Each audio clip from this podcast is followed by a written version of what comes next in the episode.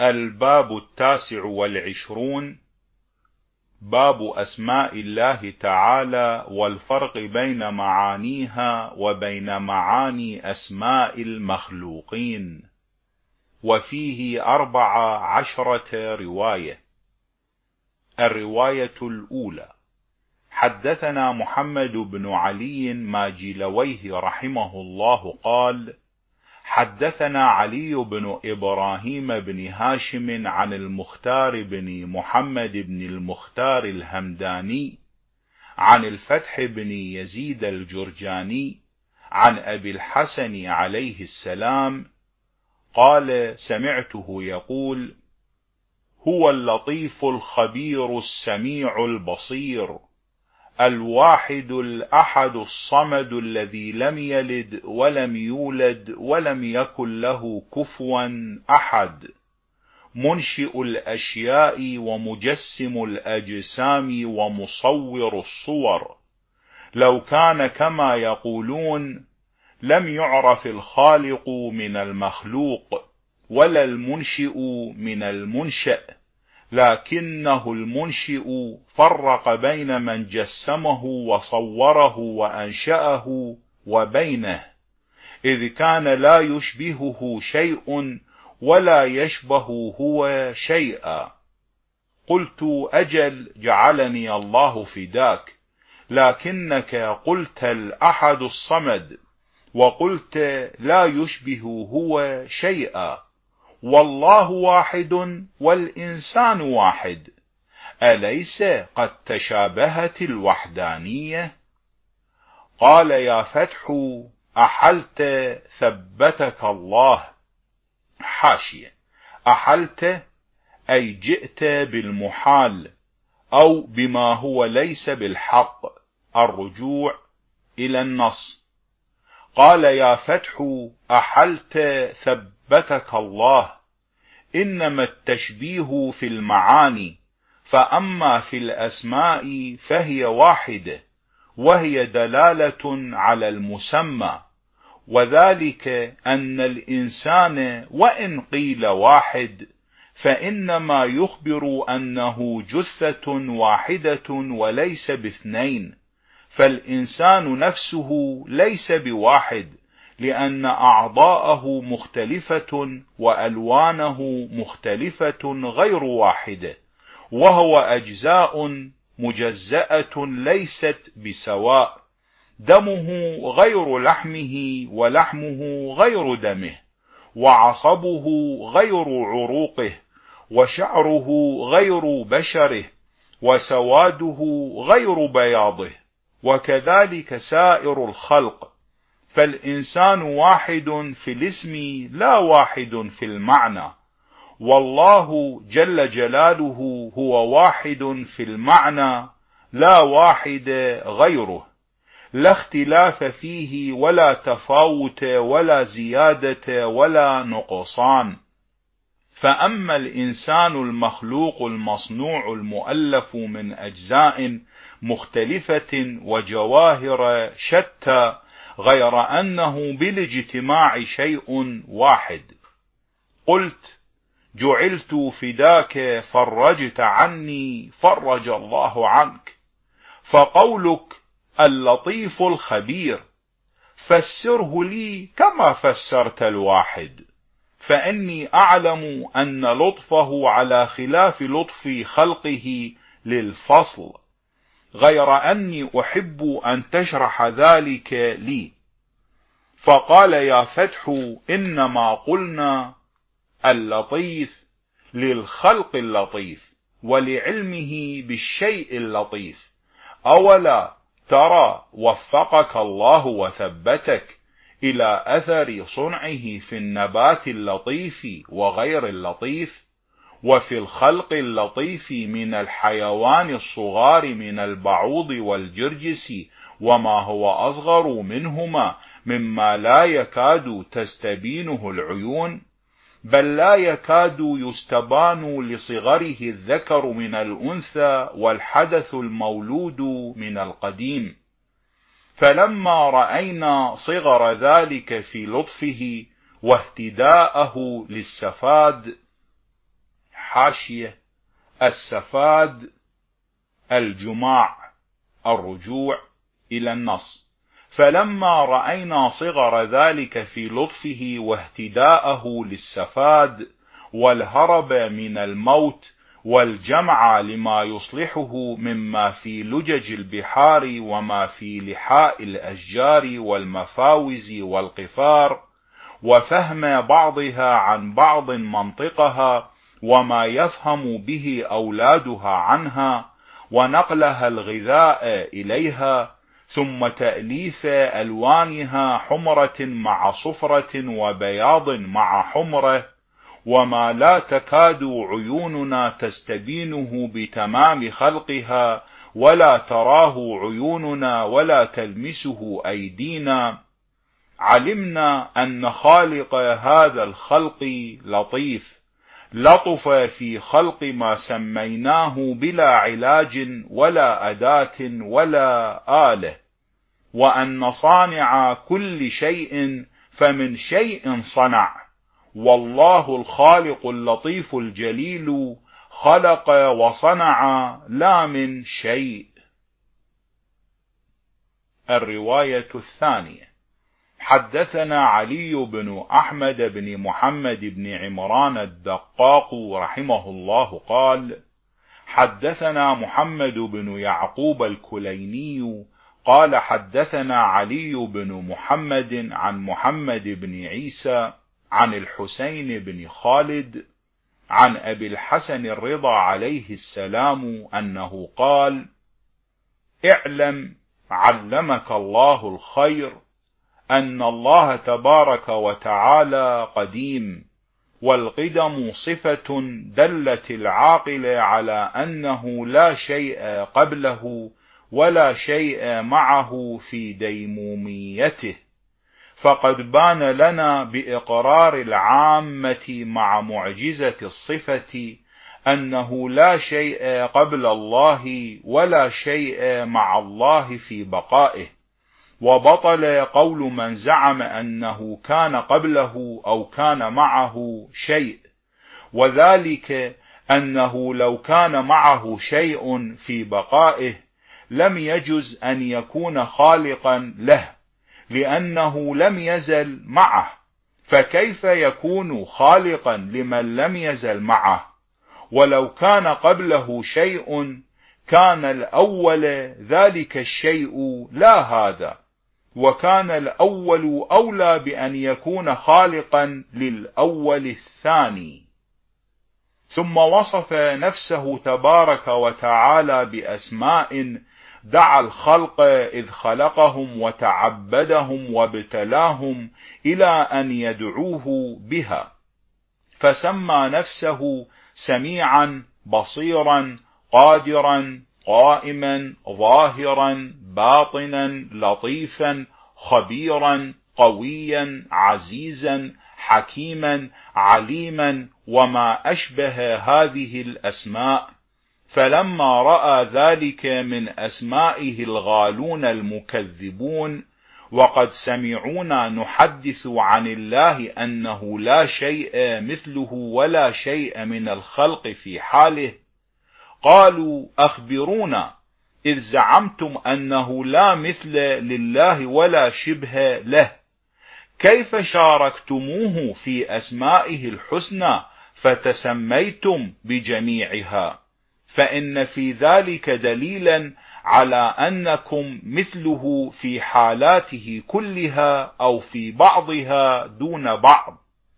إذ جمعتكم الأسماء الطيبة قيل لهم إن الله تبارك وتعالى ألزم العباد أسماء من أسمائه على اختلاف المعاني وذلك كما يجمع الاسم الواحد معنيين مختلفين.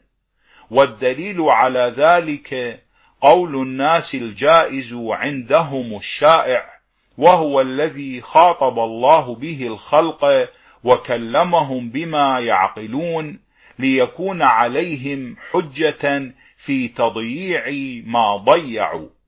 وقد يقال للرجل كلب وحمار وثور وسكان مسكرة وعلقمة وأسد وكل ذلك على خلافه وحالاته.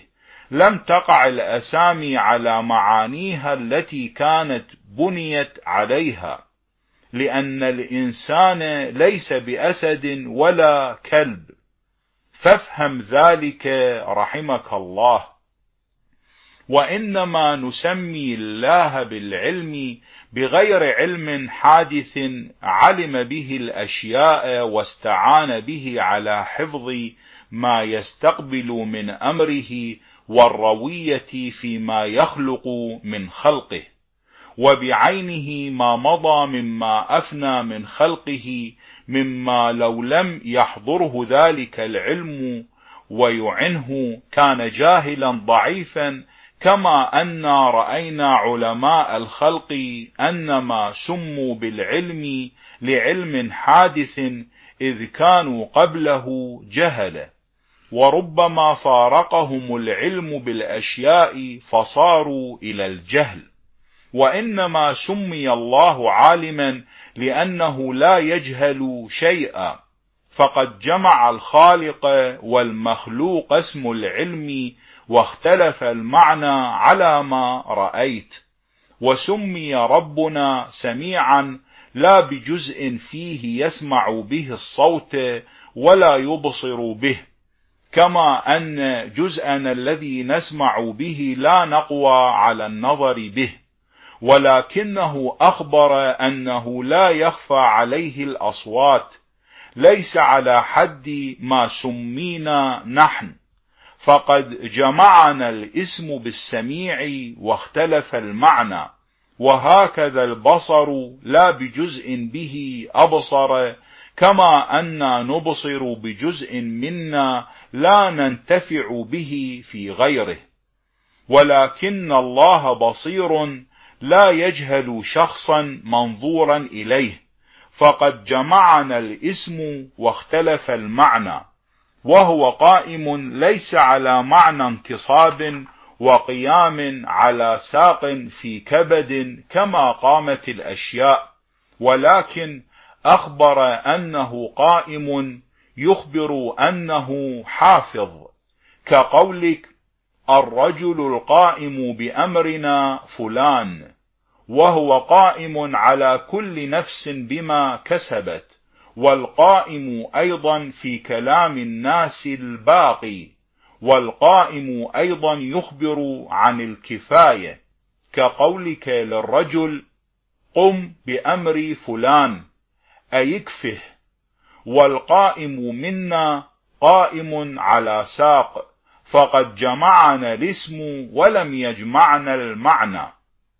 وأما اللطيف فليس على قلة وقضافة وصغر ولكن ذلك على النفاذ في الأشياء والامتناع من أن يدرك.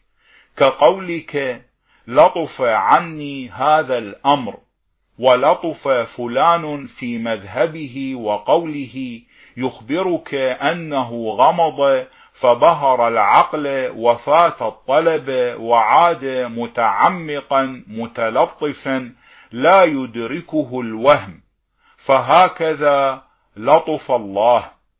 تبارك وتعالى عن أن يدرك بحد أو يحد بوصف.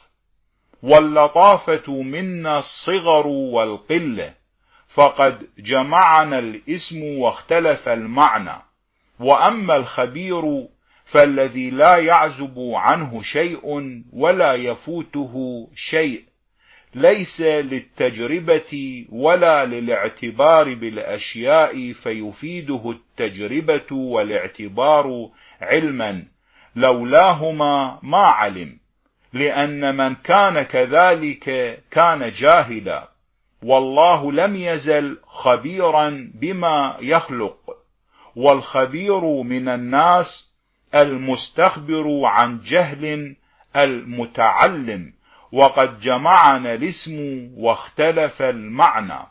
وأما الظاهر فليس من أجل أنه على الأشياء بركوب فوقها وقعود عليها وتسنم لذراها.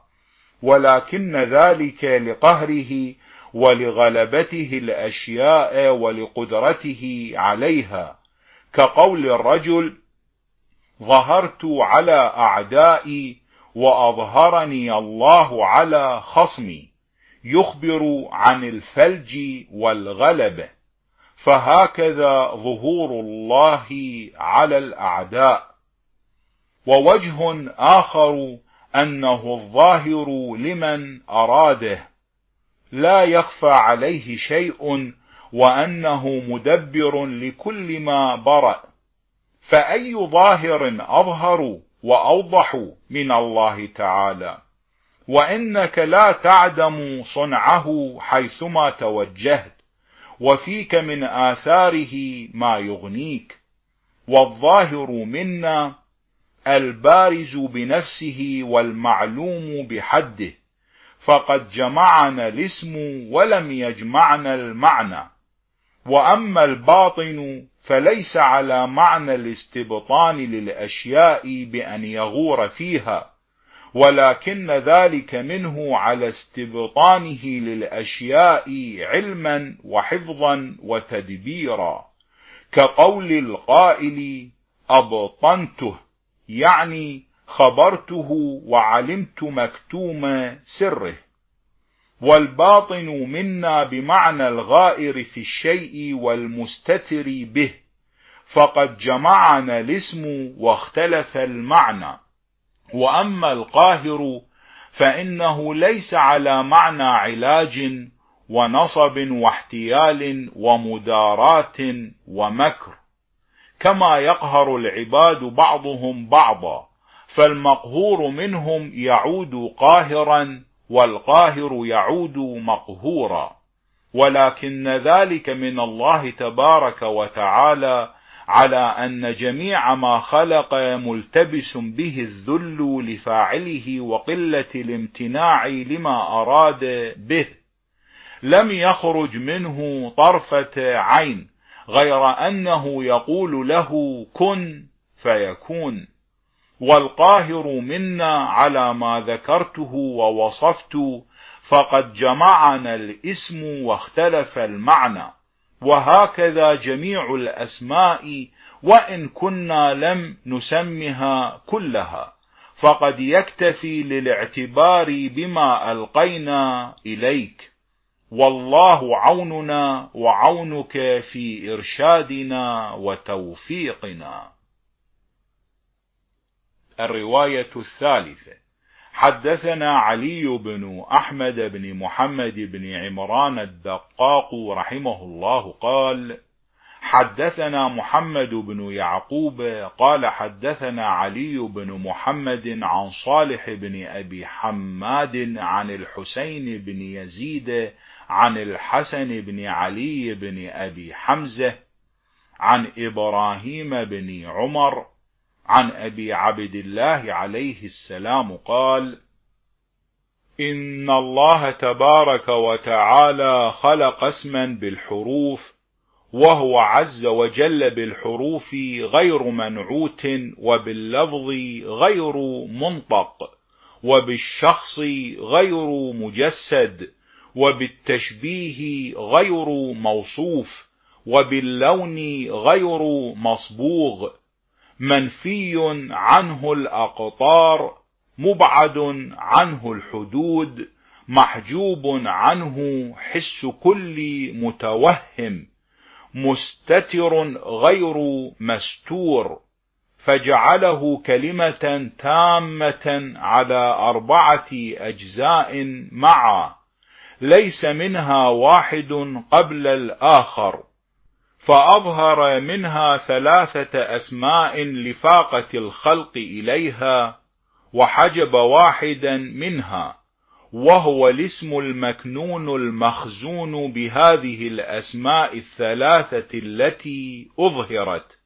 فالظاهر هو الله تبارك وتعالى وسخر سبحانه لكل اسم من هذه أربعة أركان فذلك اثنى عشر ركنا. ثم خلق لكل ركن منها ثلاثين اسما فعلا منسوبا إليها. فهو الرحمن الرحيم الملك القدوس الخالق البارئ المصور الحي القيوم. لا تأخذه سنة ولا نوم. العليم الخبير السميع البصير الحكيم العزيز الجبار المتكبر العلي العظيم المقتدر القادر. السلام المؤمن المهيمن البارئ المنشئ البديع الرفيع الجليل الكريم الرزاق المحيي المميت الباعث الوارث. فهذه الأسماء وما كان من الأسماء الحسنى حتى تتم ثلاثمائة وستين اسما. فهذه نسبة لهذه الأسماء الثلاثة وهذه الأسماء الثلاثة أركان وحجب للاسم الواحد المكنون المخزون بهذه الأسماء الثلاثة. وذلك قوله عز وجل قل ادعوا الله أو ادعوا الرحمن أيما تدعوا فله الأسماء الحسنى الإسراء الآية العاشرة والمئة الرواية الرابعة. أبي رحمه الله قال حدثنا أحمد بن إدريس عن الحسين بن عبيد الله عن محمد بن عبد الله وموسى بن عمرو والحسن بن علي بن أبي عثمان عن ابن سنان قال سألت أبا الحسن الرضا عليه السلام هل كان الله عارفا بنفسه قبل أن يخلق الخلق؟ قال نعم.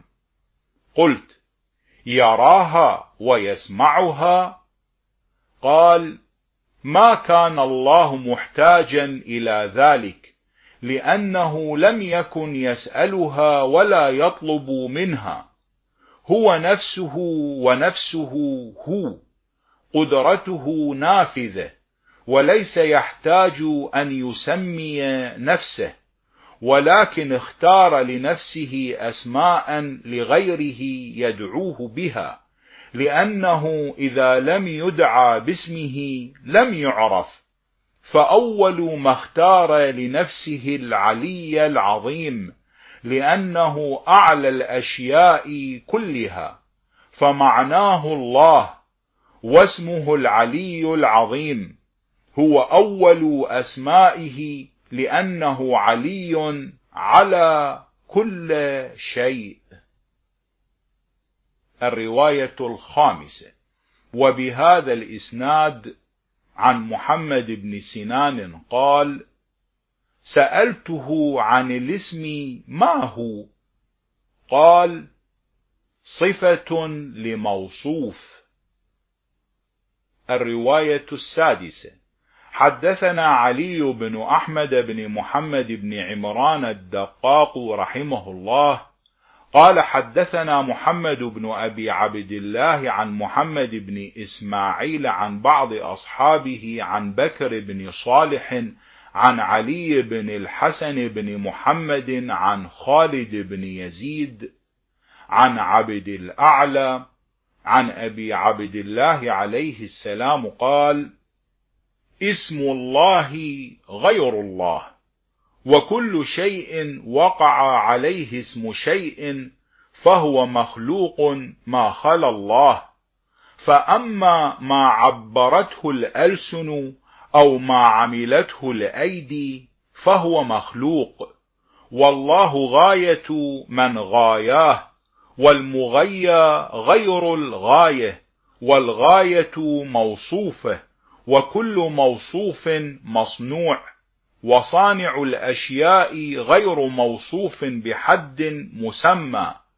لم يتكون فتعرف كينونته بصنع غيره ولم يتناهى إلى غاية إلا كانت غيره. لا يذل من فهم هذا الحكم أبدا وهو التوحيد الخالص. فارعوه وصدقوه وتفهموه بإذن الله. من زعم أنه يعرف الله بحجاب أو بصورة أو بمثال فهو مشرك لأن الحجاب والمثال والصورة غيره وإنما هو واحد موحد. فكيف يوحد من زعم أنه عرفه بغيره وإنما عرف الله من عرفه بالله ومن لم يعرفه به فليس يعرفه إنما يعرف غيره. ليس بين الخالق والمخلوق شيء فالله خالق الأشياء لا من شيء كان. والله يسمى بأسمائه وهو غير أسمائه والأسماء غيره. الرواية السابعة. حدثنا علي بن أحمد بن محمد بن عمران الدقاق رحمه الله. قال حدثنا محمد بن أبي عبد الله الكوفي. قال حدثني محمد بن بشر. عن أبي هاشم الجعفري قال كنت عند أبي جعفر الثاني عليه السلام فسأله رجل فقال أخبرني عن الرب تبارك وتعالى له أسماء وصفات في كتابه فأسماؤه وصفاته هي هو فقال أبو جعفر عليه السلام إن لهذا الكلام وجهين. إن كنت تقول هي هو أي أنه ذو عدد وكثرة فتعالى الله عن ذلك. وإن كنت تقول لم تزل هذه الصفات والأسماء فإن لم تزل يحتمل معنيين. فإن قلت لم تزل عنده في علمه وهو مستحقها فنعم. وإن كنت تقول لم يزل تصويرها وهجاؤها وتقطيع حروفها فمعاذ الله أن يكون معه شيء غيره.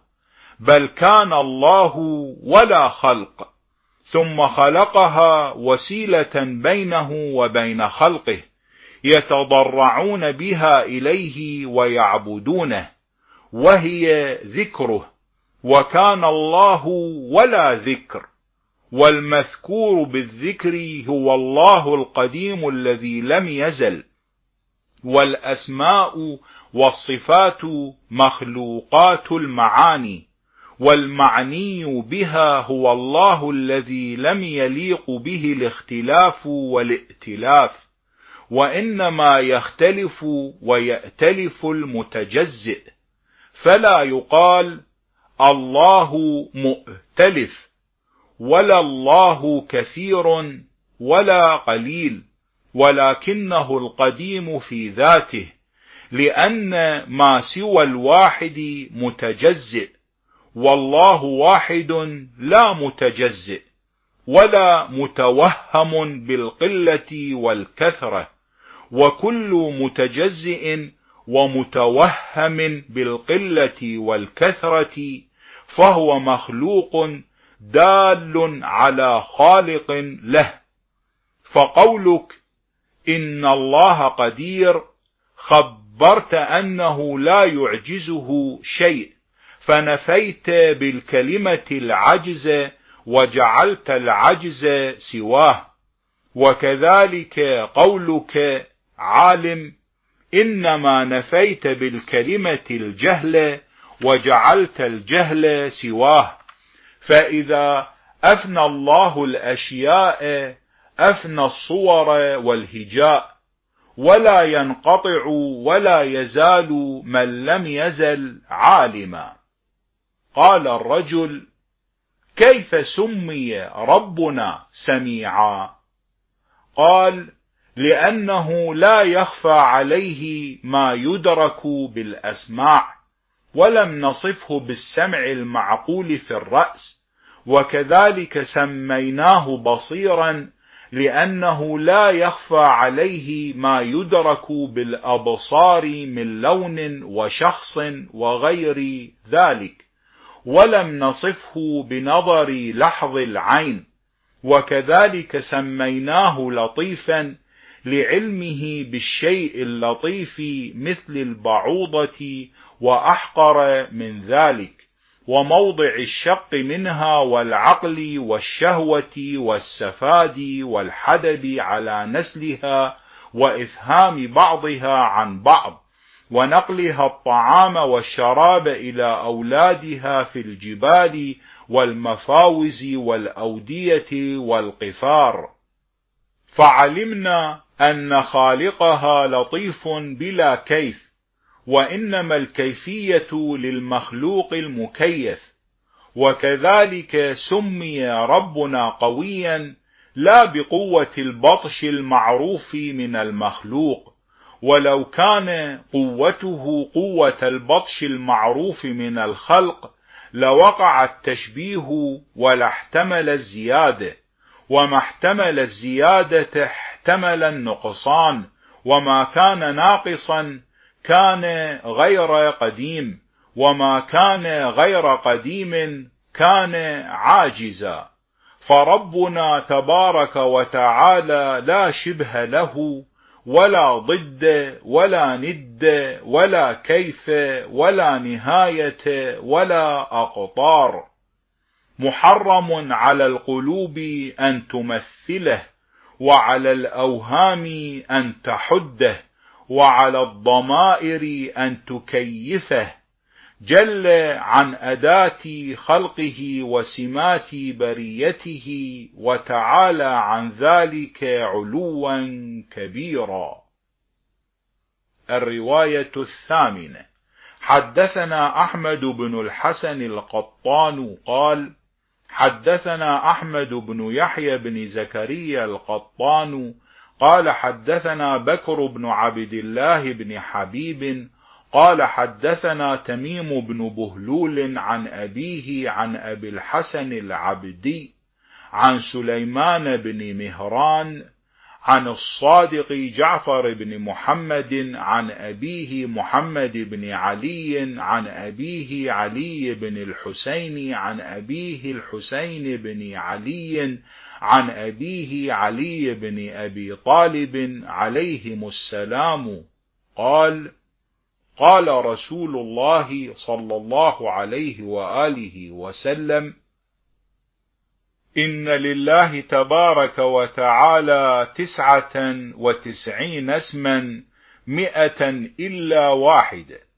من أحصاها دخل الجنة وهي الله الإله الواحد الأحد الصمد. الأول الآخر السميع البصير القدير القاهر العلي الأعلى الباقي البديع البارئ الأكرم الظاهر الباطن الحي الحكيم العليم الحليم الحفيظ الحق الحسيب الحميد الحفي. الرب الرحمن الرحيم الذارئ الرزاق الرقيب الرؤوف الرائي السلام المؤمن المهيمن العزيز الجبار المتكبر السيد السبوح الشهيد الصادق الصانع الطاهر العدل العفو الغفور الغني الغياث الفاطر الفرد الفتاح الفالق القديم الملك القدوس القوي القريب القيوم القابض الباسط قاضي الحاجات المجيد المولى المنان المحيط المبين المقيت المصور الكريم الكبير الكافي كاشف الضر الوتر النور الوهاب الناصر الواسع الودود الهادي الوفي الوكيل الوارث البر الباعث التواب الجليل الجواد الخبير الخالق خير الناصرين الديان الشكور العظيم اللطيف الشافي. الرواية التاسعة. حدثنا أحمد بن زياد بن جعفر الهمداني رضي الله عنه قال حدثنا علي بن إبراهيم بن هاشم عن أبيه عن أبي الصلت عبد السلام بن صالح الهروي عن علي بن موسى الرضا عن أبيه عن آبائه عن علي عليهم السلام قال قال رسول الله صلى الله عليه وآله وسلم لله عز وجل تسعة وتسعون اسما من دعا الله بها استجاب له ومن أحصاها دخل الجنة. قال محمد بن علي بن الحسين مؤلف هذا الكتاب معنى قول النبي صلى الله عليه وآله وسلم إن لله تبارك وتعالى تسعة وتسعين اسما من أحصاها دخل الجنة إحصاؤها هو الإحاطة بها والوقوف على معانيها وليس معنى الإحصاء عدها وبالله التوفيق. الله الإله. الله والإله هو المستحق للعبادة ولا يحق لعباده إلا له. وتقول لم يزل إلها بمعنى أنه يحق له العبادة. ولهذا لما ضل المشركون فقدروا أن العبادة تجب للأصنام سموها آلهة وأصله الإلهة وهي العبادة. ويقال أصله الأله يقال أله الرجل يأله إليه أي فزع إليه من أمر نزل به. وألهه أي أجاره. ومثاله من الكلام الإمام. فاجتمعت همزتان في كلمة كثر استعمالهم لها واستثقلوها فحذفوا الأصلية. لأنهم وجدوا فيما بقي دلالة عليها فاجتمعت لامان أولاهما ساكنة. فأدغموها في الأخرى فصارت لاما مثقلة في قولك الله. الواحد الأحد. الأحد معناه أنه واحد في ذاته ليس بذي أبعاض ولا أجزاء ولا أعضاء ولا يجوز عليه الأعداد والاختلاف. لأن اختلاف الأشياء من آيات وحدانيته مما دل به على نفسه. ويقال لم يزل الله واحدا. ومعنى ثان أنه واحد لا نظير له فلا يشاركه في معنى الوحدانية غيره. لأن كل من كان له نظراء وأشباه لم يكن واحدا في الحقيقة. ويقال فلان واحد الناس أي لا نظير له فيما يوصف به. والله واحد لا من عدد لأنه عز وجل لا يعد في الأجناس. ولكنه واحد ليس له نظير.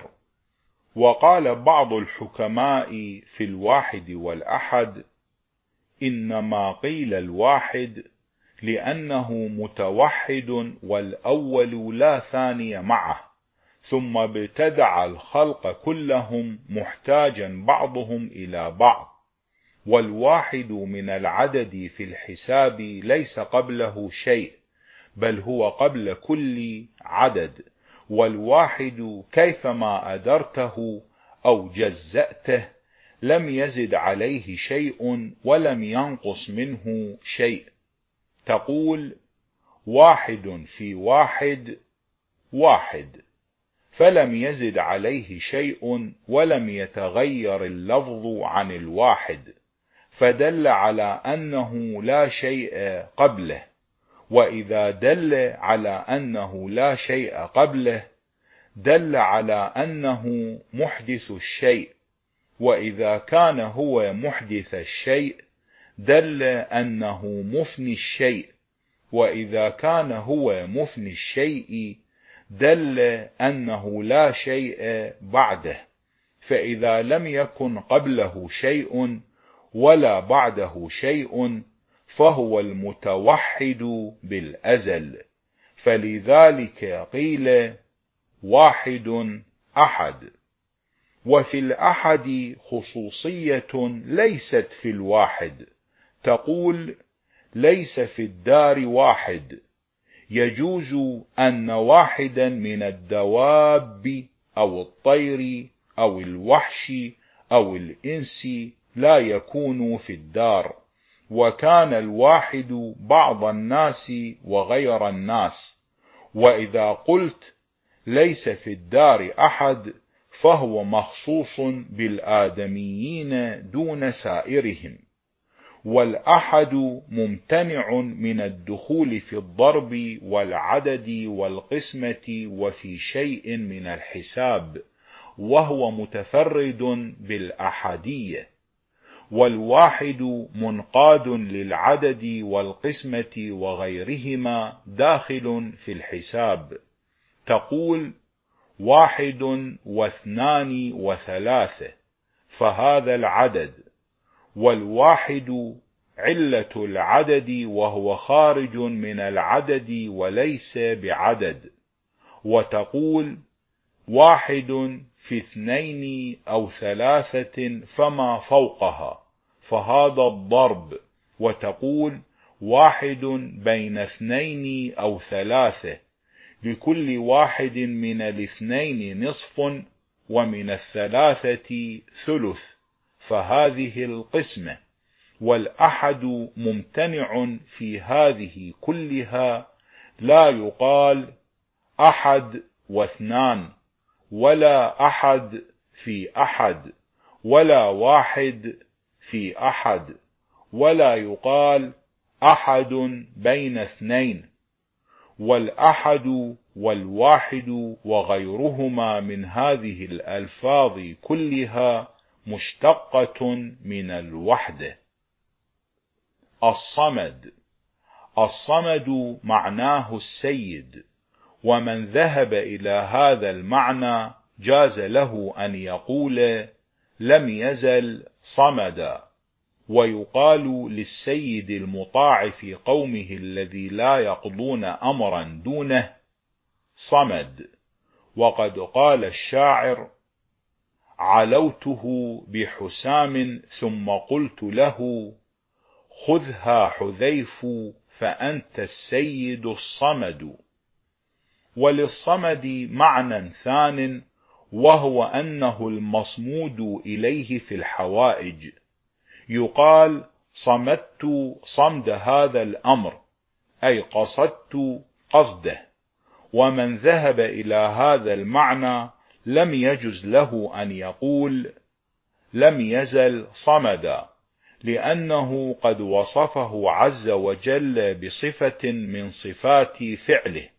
وهو مصيب أيضا والصمد الذي ليس بجسم ولا جوف له وقد أخرجت في معنى الصمد في تفسير قل هو الله أحد في هذا الكتاب معاني أخرى لم أحب إعادتها في هذا الباب.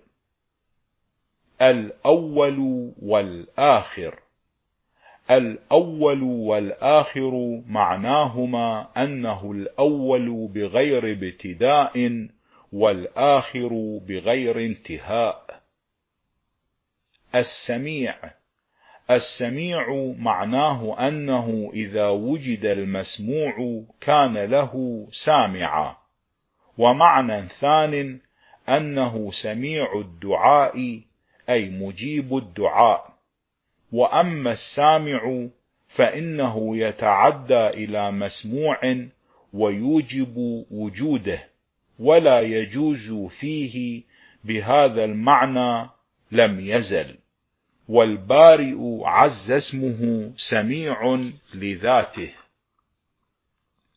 البصير البصير معناه إذا كانت المبصرات كان لها مبصرا ولذلك جاز أن يقال لم يزل بصيرا ولم يجز أن يقال لم يزل مبصرا لأنه يتعدى إلى مبصر ويوجب وجوده والبصارة في اللغة مصدر البصير وبصر بصارة والله عز وجل بصير لذاته.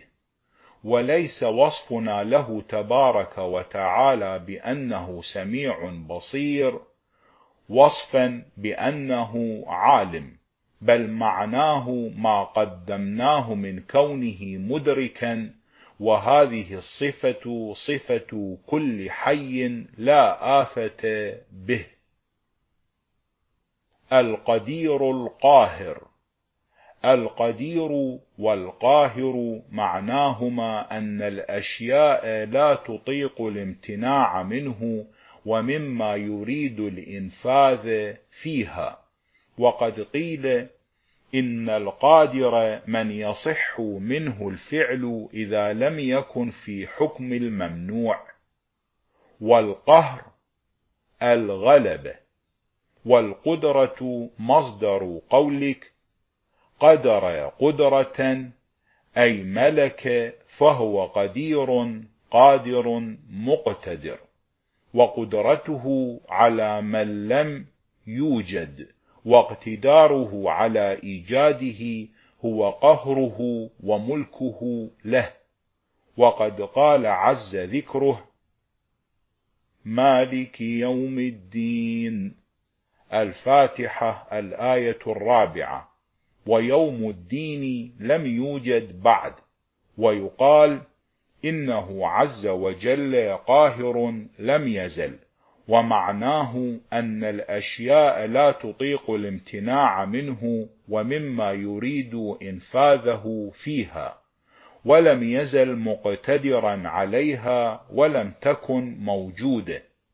كما يقال مالك يوم الدين ويوم الدين لم يوجد بعد. العلي الأعلى. العلي معناه القاهر. فالله العلي ذو العلا والعلاء والتعالي أي ذو القدرة والقهر والاقتدار. يقال على الملك علوا. ويقال لكل شيء قد علا على يعلو علوا وعلي يعلى علاء والمعلاة مكتسب الشرف وهي من المعالي وعلو كل شيء أعلاه برفع العين وخفضها وفلان من علية الناس وهو اسم. ومعنى الارتفاع والصعود والهبوط عن الله تبارك وتعالى منفي. ومعنى ثان أنه على تعالى عن الأشباه والأنداد وعما خاضت فيه وساوس الجهال وترامت إليه فكر الضلال. فهو علي متعال عما يقول الظالمون علوا كبيرا وأما الأعلى فمعناه العلي والقاهر ويؤيد ذلك قوله عز وجل لموسى عليه السلام لا تخف إنك أنت الأعلى. طه الآية الثامنة والستون. أي القاهر. وقوله عز وجل في تحريض المؤمنين على القتال ولا تهنوا ولا تحزنوا وأنتم الأعلون إن كنتم مؤمنين. آل عمران الآية التاسعة والثلاثون والمئة. وقوله عز وجل إن فرعون علا في الأرض القصص الآية الرابعة أي غلبهم واستولى عليهم. وقال الشاعر في هذا المعنى فلما علونا واستوينا عليهم تركناهم صرعى لنسر وكاسر. ومعنى ثان أنه متعال عن الأشباه والأنداد أي متنزه. كما قال تعالى عما يشركون النحل الآية الثالثة. الباقي الباقي معناه الكائن بغير حدث ولا فناء والبقاء ضد الفناء. بقي الشيء بقاء ويقال ما بقيت منهم باقية ولا وقتهم من الله واقية. والدائم في صفاته هو الباقي أيضا الذي لا يبيد ولا يفنى. البديع. البديع معناه مبدع البدائع ومحدث الأشياء على غير مثال واحتذاء وهو فعيل بمعنى مفعل. كقوله عز وجل عذاب أليم. النحل الآية الثالثة والستون. والمعنى مؤلم. ويقول العرب ضرب وجيع والمعنى موجع. وقال الشاعر في هذا المعنى أمن ريحانة الداعي السميع يؤرقني وأصحابي هجوع. فالمعنى الداعي المسمع والبدع الشيء الذي يكون أولا في كل أمر. ومنه قوله عز وجل قل ما كنت بدعا من الرسل. الأحقاف الآية التاسعة. أي لست بأول مرسل والبدعة اسم ما ابتدع من الدين وغيره. وقد قال الشاعر في هذا المعنى وكفاك لم تخلقا للندى ولم يك بخلهما بدعة فكف عن الخير مقبوضة كما حط عن مئة سبعة وأخرى ثلاثة آلافها وتسعمئيها لها شرعة. ويقال لقد جئت بأمر بديع أي مبتدع عجيب. البارئ. البارئ معناه أنه بارئ البرايا أي خالق الخلائق. برأهم يبرأهم. أي خلقهم يخلقهم والبرية الخليقة وأكثر العرب على ترك همزها وهي فعيلة بمعنى مفعولة. وقال بعضهم بل هي مأخوذة من بريت العود ومنهم من يزعم أنه من البرى وهو التراب أي خلقهم من التراب. وقالوا لذلك لا يهمز. الأكرم الأكرم معناه الكريم وقد يجيء أفعل في معنى الفعيل مثل قوله عز وجل وهو أهون عليه. الروم الآية السابعة والعشرون أي هين عليه. ومثل قوله عز وجل لا يصلاها إلا الأشقى. الليل الآية الخامسة عشرة. وقوله وسيجنبها الأتقى. الليل الآية السابعة عشرة. يعني بالأشقى والأتقى الشقي والتقي.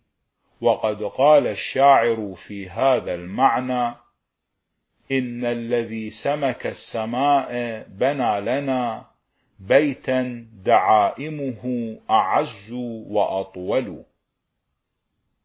الظاهر الظاهر معناه أنه الظاهر بآياته التي أظهرها من شواهد قدرته وآثار حكمته وبينات حجته التي عجز الخلق جميعا عن إبداع أصغرها وإنشاء أيسرها وأحقرها عندهم. كما قال الله عز وجل إن الذين تدعون من دون الله لن يخلقوا ذبابا ولو اجتمعوا له. الحج الآية الثالثة والسبعون. فليس شيء من خلقه إلا وهو شاهد له على وحدانيته من جميع جهاته. وأعرض تبارك وتعالى عن وصف ذاته فهو ظاهر بآياته وشواهد قدرته محتجب بذاته. ومعنى ثان أنه ظاهر غالب قادر على ما يشاء ومنه قوله عز وجل فأصبحوا ظاهرين. الصف الآية الرابعة عشرة أي غالبين لهم. الباطن الباطن معناه أنه قد بطن عن الأوهام. فهو باطن بلا إحاطة لا يحيط به محيط لأنه قدم الفكر فخبت عنه وسبق المعلوم فلم يحط به وفات الأوهام فلم تكتنه وحارت عنه الأبصار فلم تدركه فهو باطن كل باطن ومحتجب كل محتجب. بطن بالذات وظهر وعلى بالآيات فهو الباطن بلا حجاب والظاهر بلا اقتراب.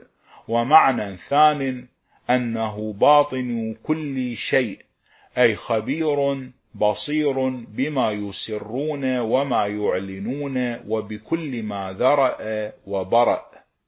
وبطانة الرجل وليجته من القوم الذين يداخلهم ويداخلونه في دخيلة أمره والمعنى أنه عالم بسرائرهم لا أنه عز وجل يبطن في شيء يواريه.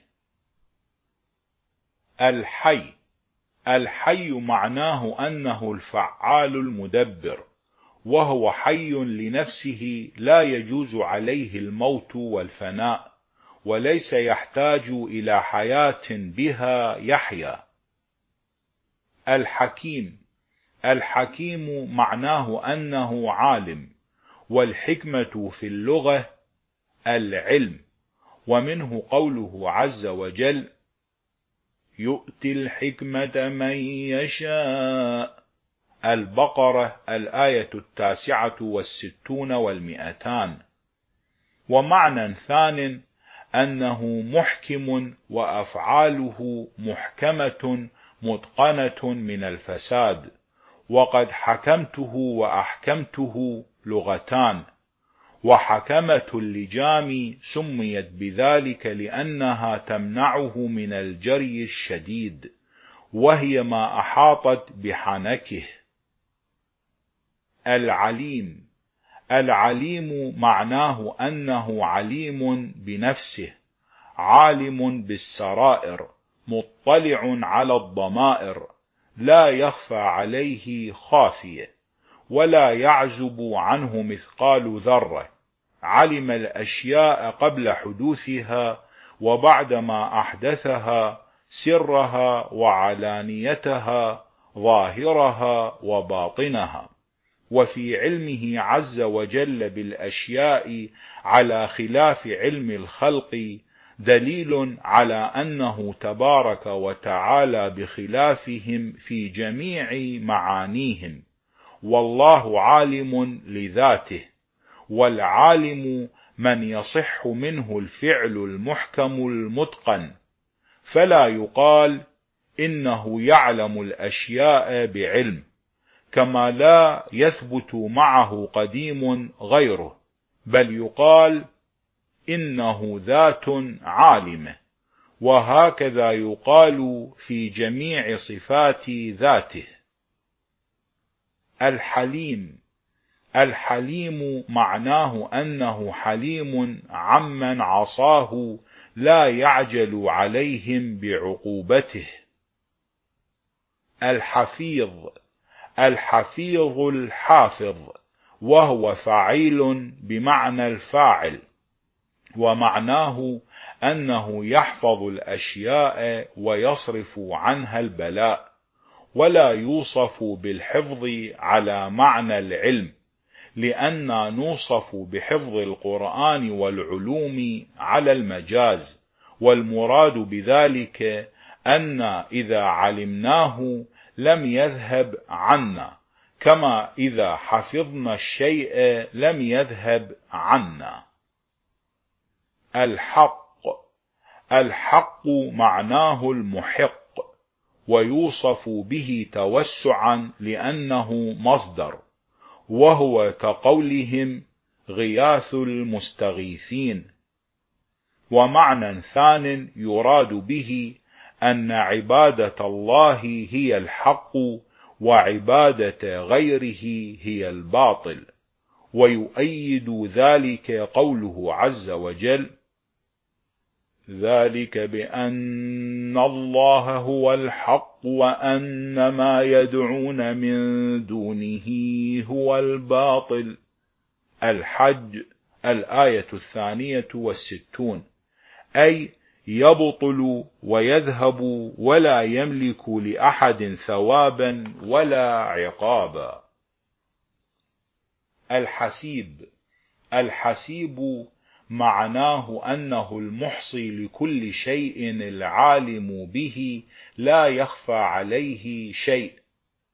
ومعنى ثان أنه المحاسب لعباده يحاسبهم بأعمالهم ويجازيهم عليها وهو فعيل على معنى مفاعل مثل جليس ومجالس. ومعنى ثالث أنه الكافي. والله حسبي وحسبك أي كافينا. وأحسبني هذا الشيء أي كفاني. وأحسبته أي أعطيته حتى قال حسبي ومنه قوله عز وجل جزاء من ربك عطاء حسابا. النبأ الآية السادسة والثلاثون. أي كافيا الحميد الحميد معناه المحمود وهو فعيل في معنى المفعول. والحمد نقيض الذم.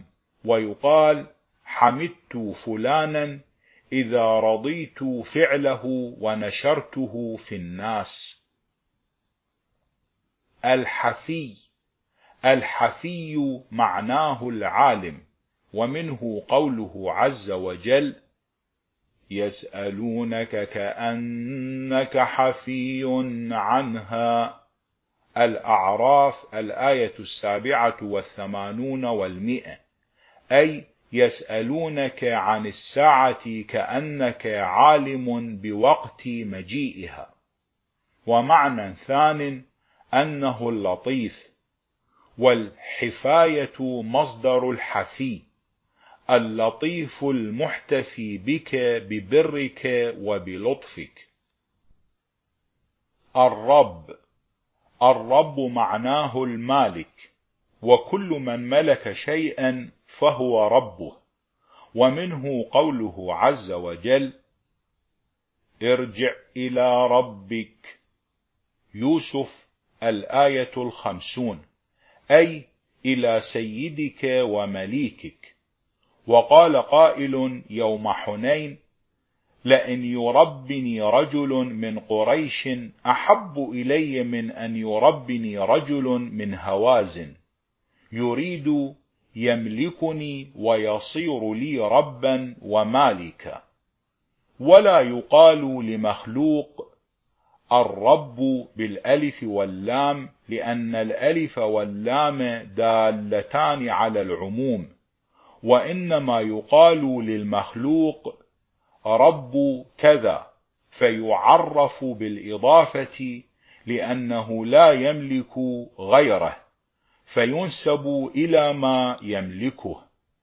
والربانيون نسبوا إلى التأله والعبادة للرب في معنى الربوبية له. والربيون الذين صبروا مع الأنبياء عليهم السلام. الرحمن. الرحمن معناه الواسع الرحمة على عباده يعمهم بالرزق والإنعام عليهم. ويقال هو اسم من أسماء الله تبارك وتعالى في الكتب لا سمي له فيه. ويقال للرجل رحيم القلب ولا يقال الرحمن. لأن الرحمن يقدر على كشف البلوى ولا يقدر الرحيم من خلقه على ذلك. وقد جوز قوم أن يقال للرجل رحمن وأرادوا به الغاية في الرحمة وهذا خطأ. والرحمن هو لجميع العالم والرحيم بالمؤمنين خاصة. الرحيم. الرحيم معناه أنه رحيم بالمؤمنين يخصهم برحمته في عاقبة أمرهم كما قال الله عز وجل وكان بالمؤمنين رحيما الأحزاب الآية الثالثة والأربعون. والرحمن والرحيم اسمان مشتقان من الرحمة على وزن ندمان ونديم ومعنى الرحمة النعمة والراحم المنعم كما قال الله عز وجل لرسوله صلى الله عليه وآله وسلم وما أرسلناك إلا رحمة للعالمين. الأنبياء الآية السابعة والمئة. يعني نعمة عليهم. ويقال للقرآن هدى ورحمة وللغيث رحمة يعني نعمة. وليس معنى الرحمة الرقة لأن الرقة عن الله عز وجل منفية. وإنما سمي رقيق القلب من الناس رحيما لكثرة ما توجد الرحمة منه. ويقال ما أقرب رحمة فلان إذا كان ذا مرحمة وبر والمرحمة الرحمة. ويقال رحمته مرحمة ورحمة. الذارئ الذارئ معناه الخالق. يقال ذرأ الله الخلق وبرأهم أي خلقهم.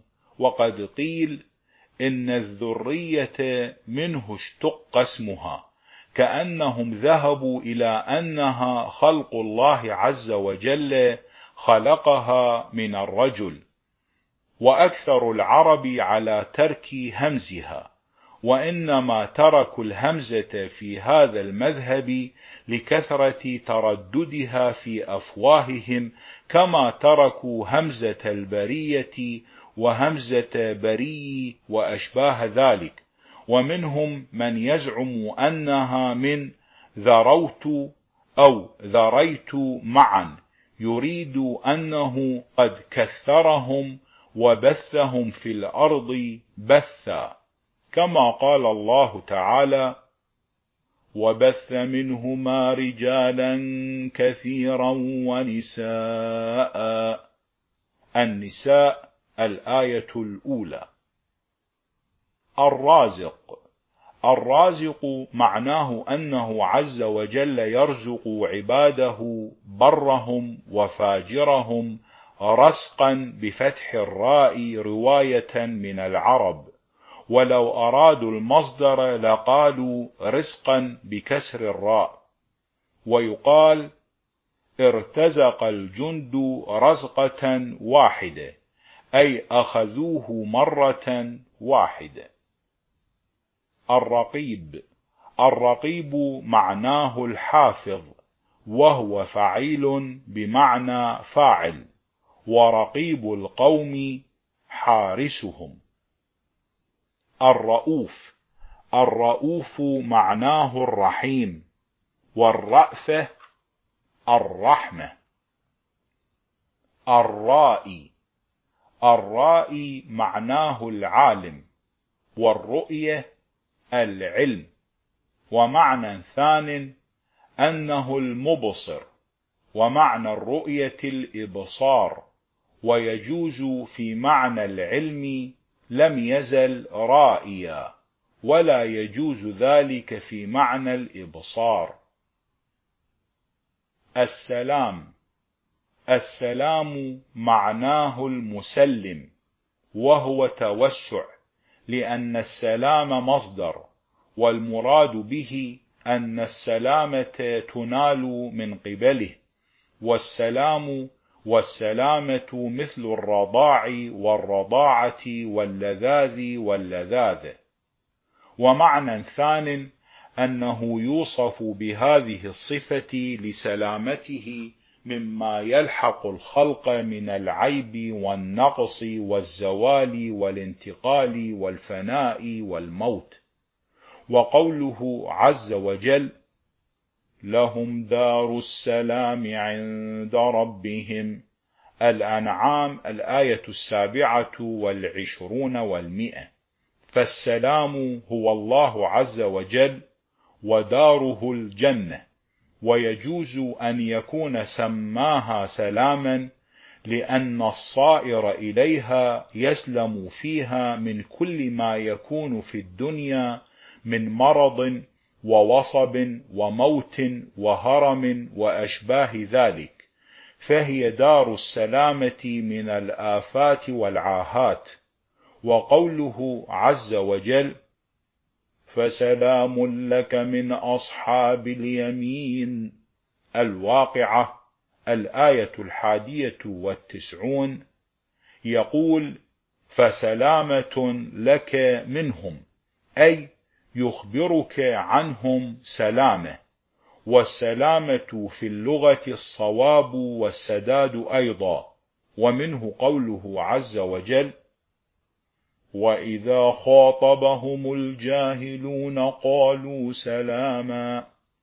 الفرقان الآية الثالثة والستون. أي سدادا وصوابا. ويقال سمي الصواب من القول سلاما لأنه يسلم من العيب والإثم. المؤمن المؤمن معناه المصدق والإيمان التصديق في اللغة. يدلك على ذلك قوله عز وجل حكاية عن إخوة يوسف عليه السلام وما أنت بمؤمن لنا ولو كنا صادقين يوسف الآية السابعة عشرة فالعبد مؤمن مصدق بتوحيد الله وبآياته والله مؤمن مصدق لما وعده ومحققه ومعنى ثان أنه محقق حقق وحدانيته بآياته عند خلقه وعرفهم حقيقته لما أبدى من علاماته وأبان من بيناته وعجائب تدبيره ولطائف تقديره. ومعنى ثالث أنه آمنهم من الظلم والجور. قال الصادق عليه السلام سمي البارئ عز وجل مؤمنا لأنه يؤمن من عذابه من أطاعه. وسمي العبد مؤمنا لأنه يؤمن على الله عز وجل فيجيز الله أمانه. وقال عليه السلام المؤمن من أمن جاره بوائقه. وقال عليه السلام المؤمن الذي يأتمنه المسلمون على أموالهم وأنفسهم. المهيمن. المهيمن معناه الشاهد وهو كقوله عز وجل ومهيمنا عليه المائدة الآية الثامنة والأربعون أي شاهدا عليه. ومعنى ثان أنه اسم مبني من الأمين والأمين اسم من أسماء الله عز وجل. ثم بني كما بني المبيطر من البيطر والبيطار وكأن الأصل فيه مؤيمن فقلبت الهمزة هاء كما قلبت همزة أرقت وأيهات فقيل هرقت وهيهات. وأمين اسم من أسماء الله عز وجل. ومن طول الألف أراد يا أمين فأخرجه مخرج قولهم أزيد. على معنى يا زيد. ويقال المهيمن اسم من أسماء الله عز وجل في الكتب السابقة. العزيز. العزيز معناه أنه لا يعجزه شيء ولا يمتنع عليه شيء أراده فهو قاهر للأشياء غالب غير مغلوب وقد يقال في المثل من عز بز أي من غلب سلب وقوله عز وجل حكاية عن الخصمين وعزني في الخطاب. صاد الآية الثالثة والعشرون. أي غلبني في مجاوبة الكلام. ومعنى ثان أنه الملك ويقال للملك عزيز. كما قال إخوة يوسف ليوسف عليه السلام يا أيها العزيز يوسف الآية الثامنة والسبعون والمراد به يا أيها الملك الجبار. الجبار معناه القاهر الذي لا ينال وله التجبر والجبروت أي التعظم والعظمة. ويقال للنخلة التي لا تنال جبارة والجبر أن تجبر إنسانا على ما يكرهه قهرا تقول جبرته على أمر كذا وكذا. وقال الصادق عليه السلام لا جبر ولا تفويض بل أمر بين أمرين. عنا بذلك أن الله تبارك وتعالى لم يجبر عباده على المعاصي ولم يفوض إليهم أمر الدين حتى يقولوا فيه بآرائهم ومقائسهم فإنه عز وجل قد حد ووظف وشرع وفرض وسن وأكمل لهم الدين. فلا تفويض مع التحديد والتوظيف والشرع والفرض والسنة وإكمال الدين.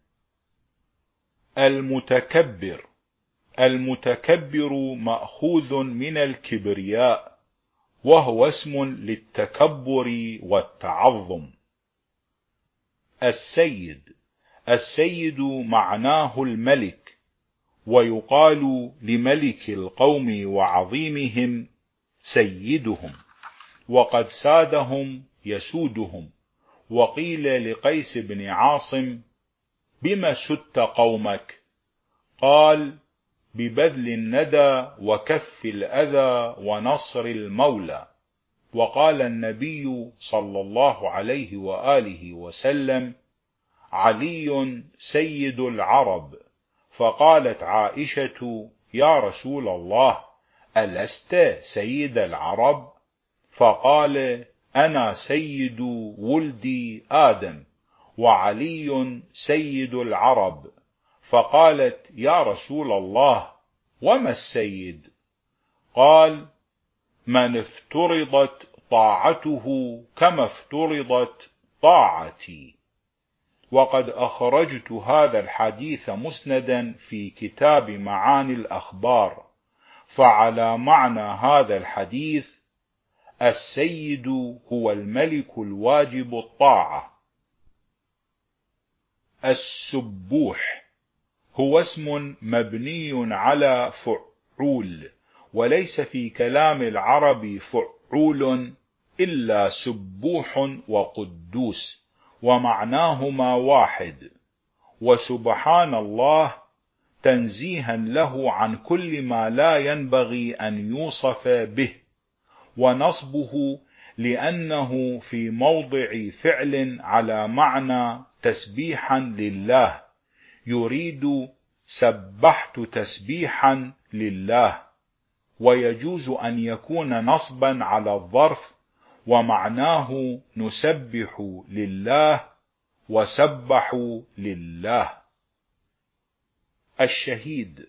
الشهيد معناه الشاهد بكل مكان. صانعا ومدبرا على أن المكان مكان لصنعه وتدبيره لا على أن المكان مكان له لأنه عز وجل كان ولا مكان. الصادق الصادق معناه أنه صادق في وعده لا يبخس ثواب من يفي بعهده. الصانع. الصانع معناه أنه صانع كل مصنوع أي خالق كل مخلوق ومبدع جميع البدائع. وكل ذلك دال على أنه لا يشبهه شيء من خلقه لأن لم نجد فيما شاهدنا فعلا يشبه فاعله لأنهم أجسام وأفعالهم غير أجسام. والله تعالى عن أن يشبه أفعاله. وأفعاله لحم وعظم وشعر ودم وعصب وعروق وأعضاء وجوارح وأجزاء ونور وظلمة وأرض وسماء وحجر وشجر وغير ذلك من صنوف الخلق. وكل ذلك فعله وصنعه عز وجل. وجميع ذلك دليل على وحدانيته شاهد على انفراده وعلى أنه بخلاف خلقه وأنه لا شريك له. وقال بعض الحكماء في هذا المعنى وهو يصف النرجس عيون في جفون في فنون بدت فأجاد صنعتها المليك بأبصار التغنج طامحات كأن حداقها ذهب سبيك على غصن الزمرد مخبرات بأن الله ليس له شريك. الطاهر الطاهر معناه أنه متنزه عن الأشباه والأنداد والأضداد والأمثال والحدود والزوال والانتقال ومعاني الخلق من الطول والعرض والأقطار والثقل والخفة والرقة والغلظة والدخول والخروج والملازقة والمباينة والرائحة والطعم واللون والمجسة والخشونة واللين والحرارة والبرودة والحركة والسكون والاجتماع والافتراق والتمكن في مكان دون مكان. لأن جميع ذلك محدث مخلوق وعاجز ضعيف من جميع الجهات دليل على محدث أحدثه وصانع صنعه قادر قوي طاهر في معانيها لا يشبه شيئا منها. لأنها دلت من جميع جهاتها على صانع صنعها ومحدث أحدثها وأوجبت على جميع ما غاب عنها من أشباهها وأمثالها أن تكون دالة على صانع صنعها. تعالى الله عن ذلك علوا كبيرا. العدل. العدل معناه الحكم بالعدل والحق وسمي به توسعا لأنه مصدر والمراد به العادل.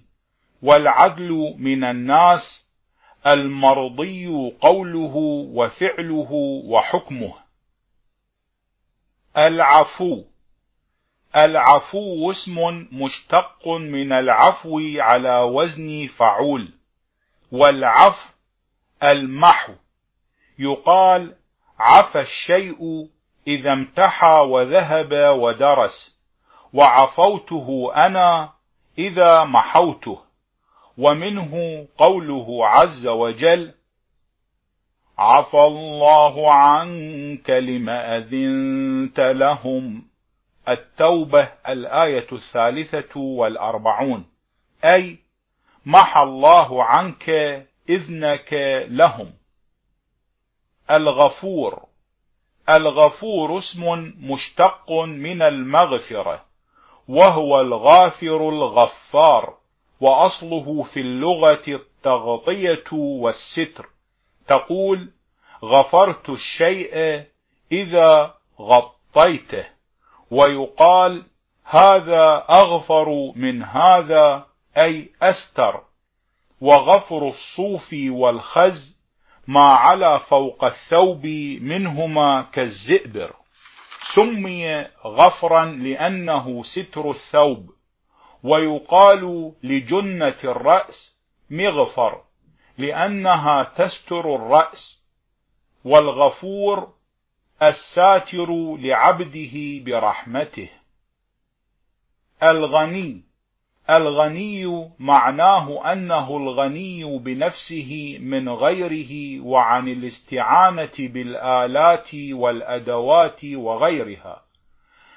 والأشياء كلها سوى الله عز وجل متشابهة في الضعف والحاجة.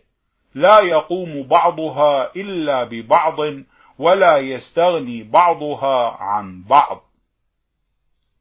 الغياث.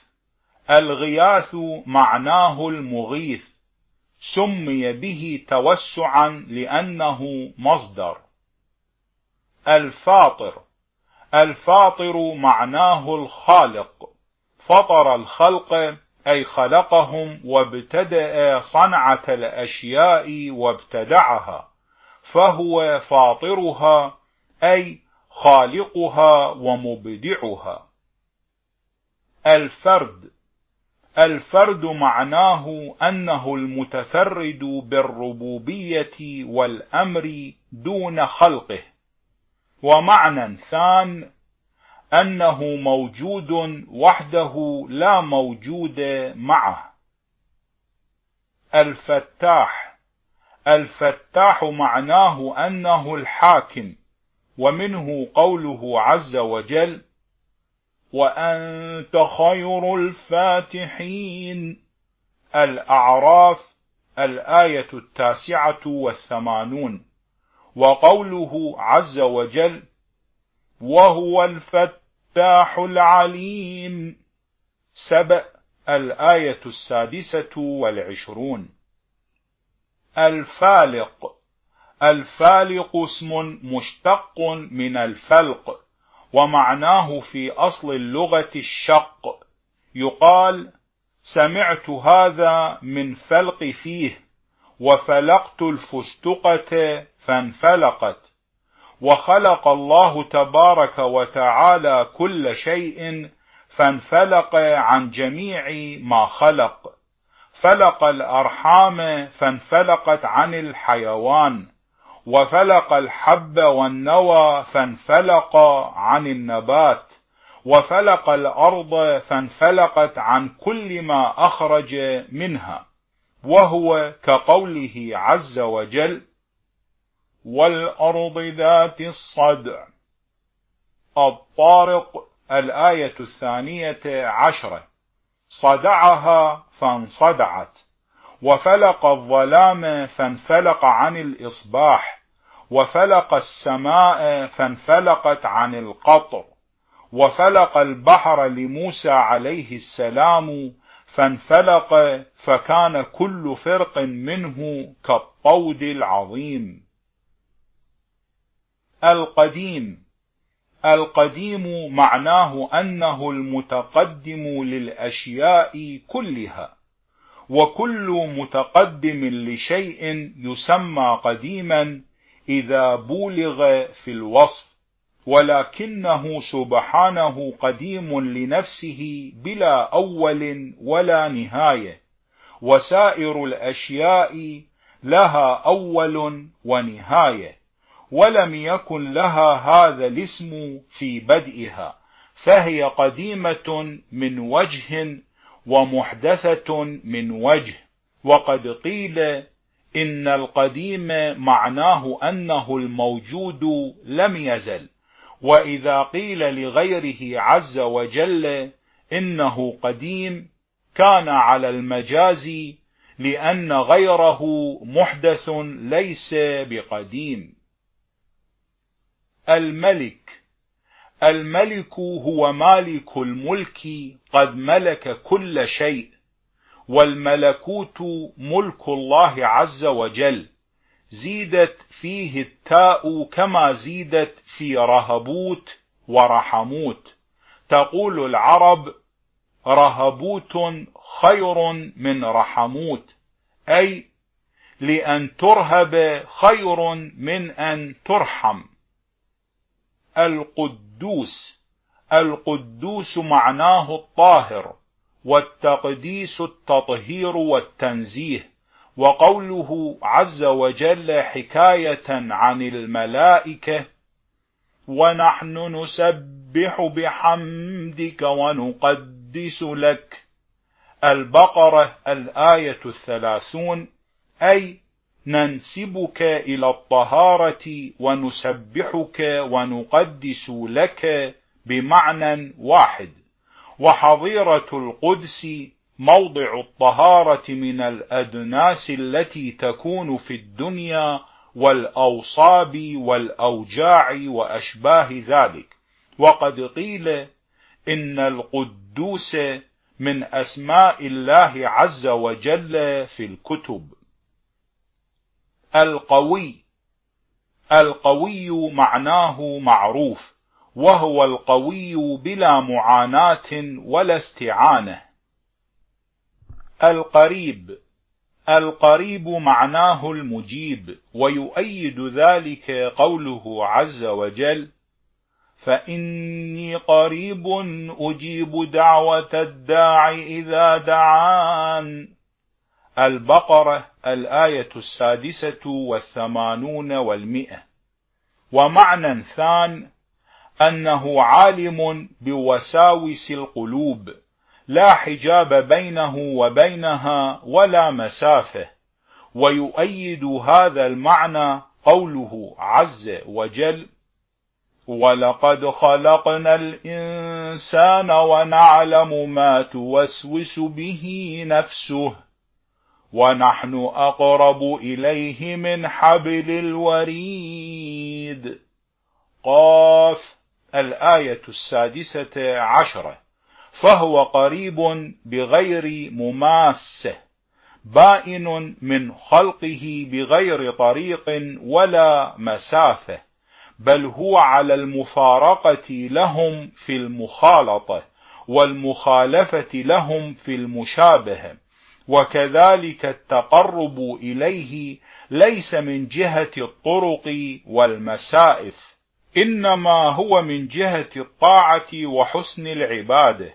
فالله تبارك وتعالى قريب دان دنوه من غير سفل لأنه ليس باقتطاع المسائف يدنو ولا باجتياز الهواء يعلو.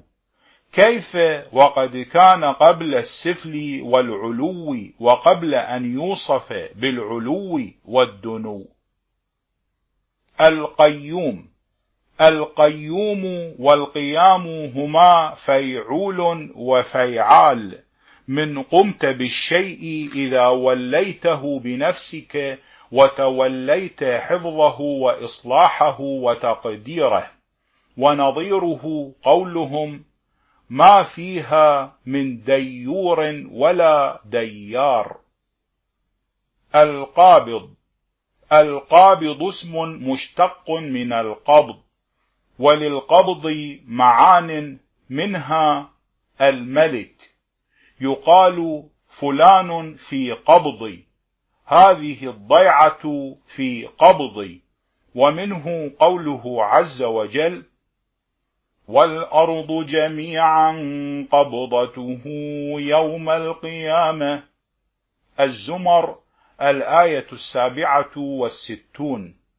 وهذا كقول الله عز وجل وله الملك يوم ينفخ في الصور.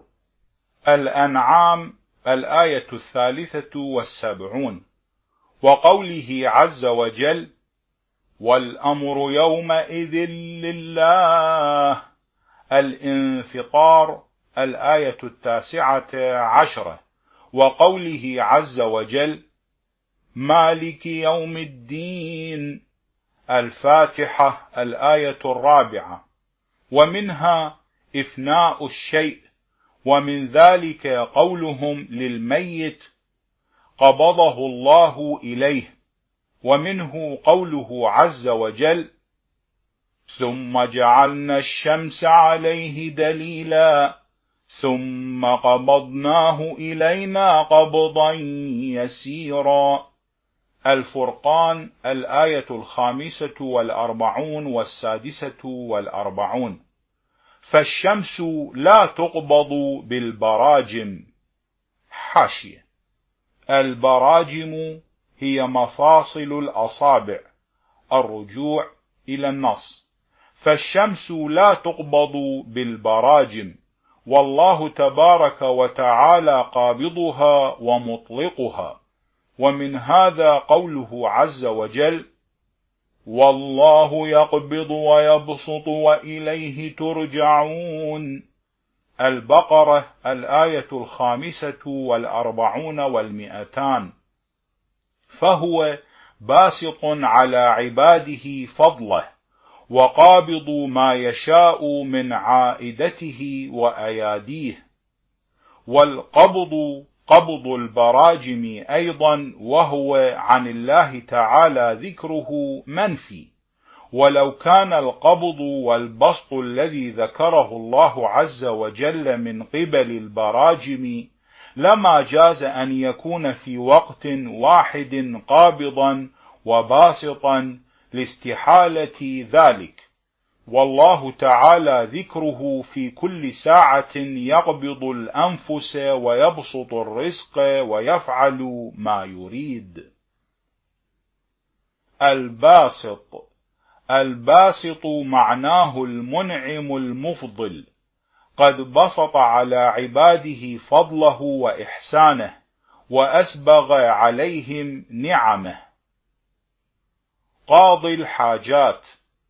القاض اسم مشتق من القضاء ومعنى القضاء من الله عز وجل على ثلاثة أوجه. فوجه منها هو الحكم والإلزام. يقال قضى القاضي على فلان بكذا أي حكم عليه به وألزمه إياه. ومنه قوله عز وجل وقضى ربك ألا تعبدوا إلا إياه الإسراء الآية الثالثة والعشرون.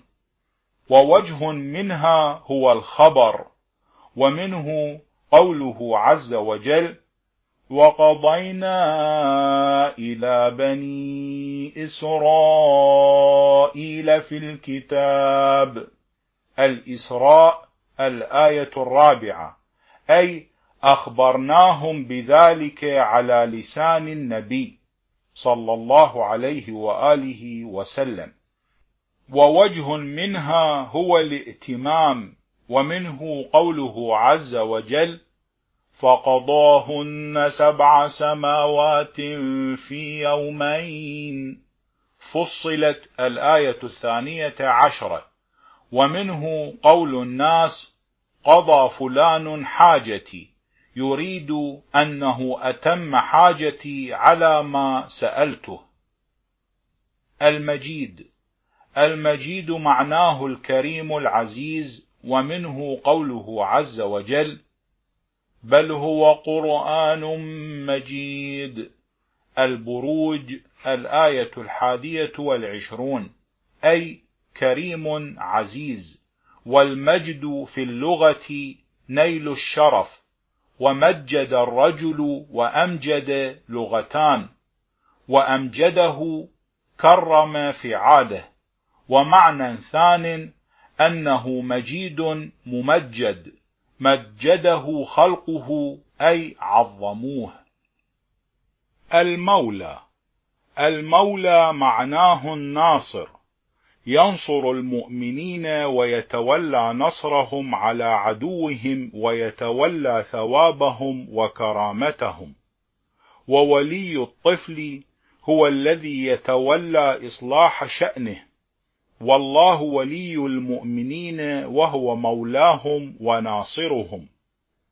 والمولى من وجه آخر هو الأولى ومنه قول النبي صلى الله عليه وآله وسلم من كنت مولاه فعلي مولاه وذلك على إثر كلام قد تقدمه وهو أن قال ألست أولى بكم منكم بأنفسكم؟ قالوا بلى يا رسول الله.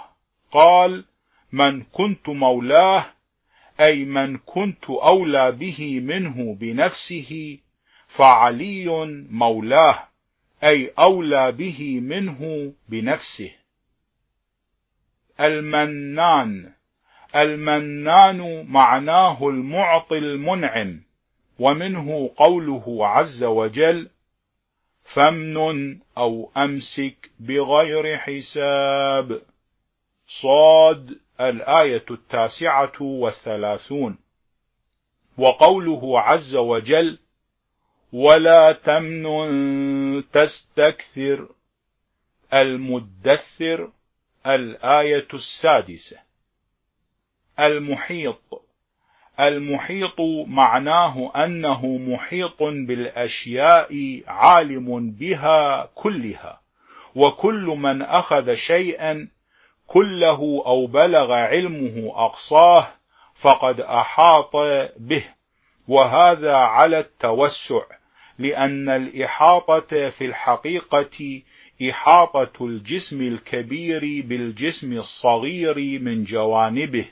كإحاطة البيت بما فيه وإحاطة السور بالمدن ولهذا المعنى سمي الحائط حائطا. ومعنى ثان يحتمل أن يكون نصبا على الظرف معناه مستوليا مقتدرا كقوله عز وجل وظنوا أنهم أحيط بهم يونس الآية الثانية والعشرون.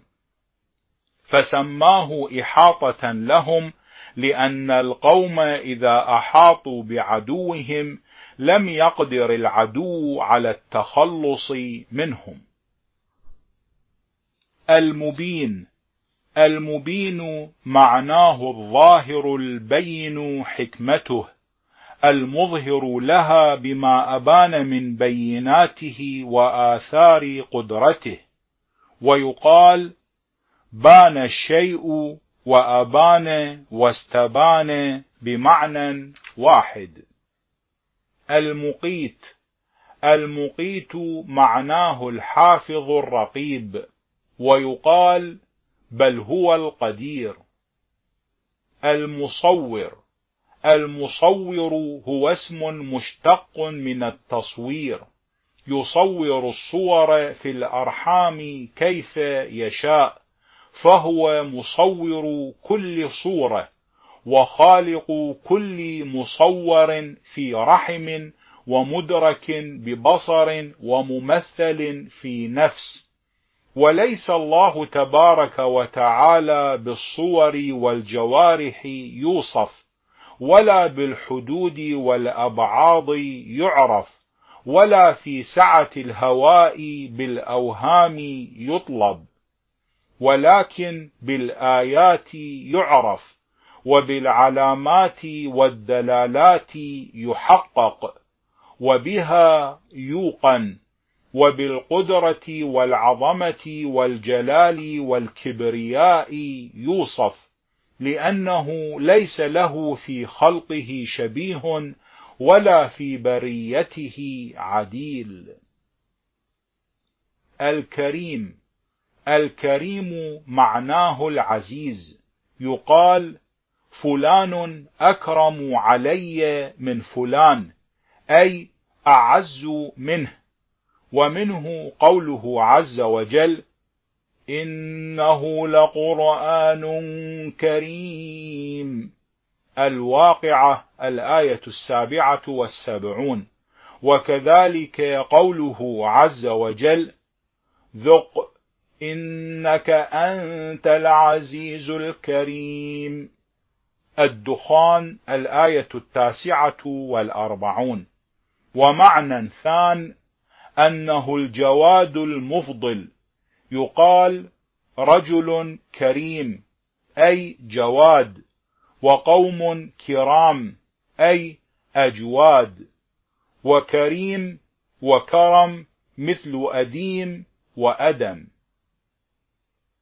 الكبير الكبير السيد يقال لسيد القوم كبيرهم والكبرياء اسم التكبر والتعظم. الكافي.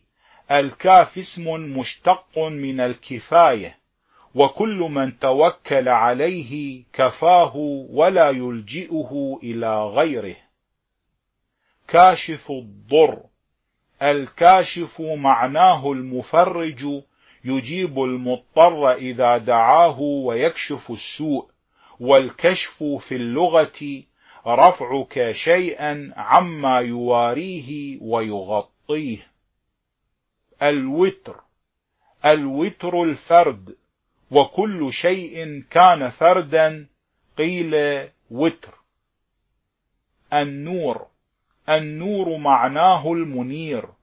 ومنه قوله عز وجل الله نور السماوات والأرض. النور الآية الخامسة والثلاثون.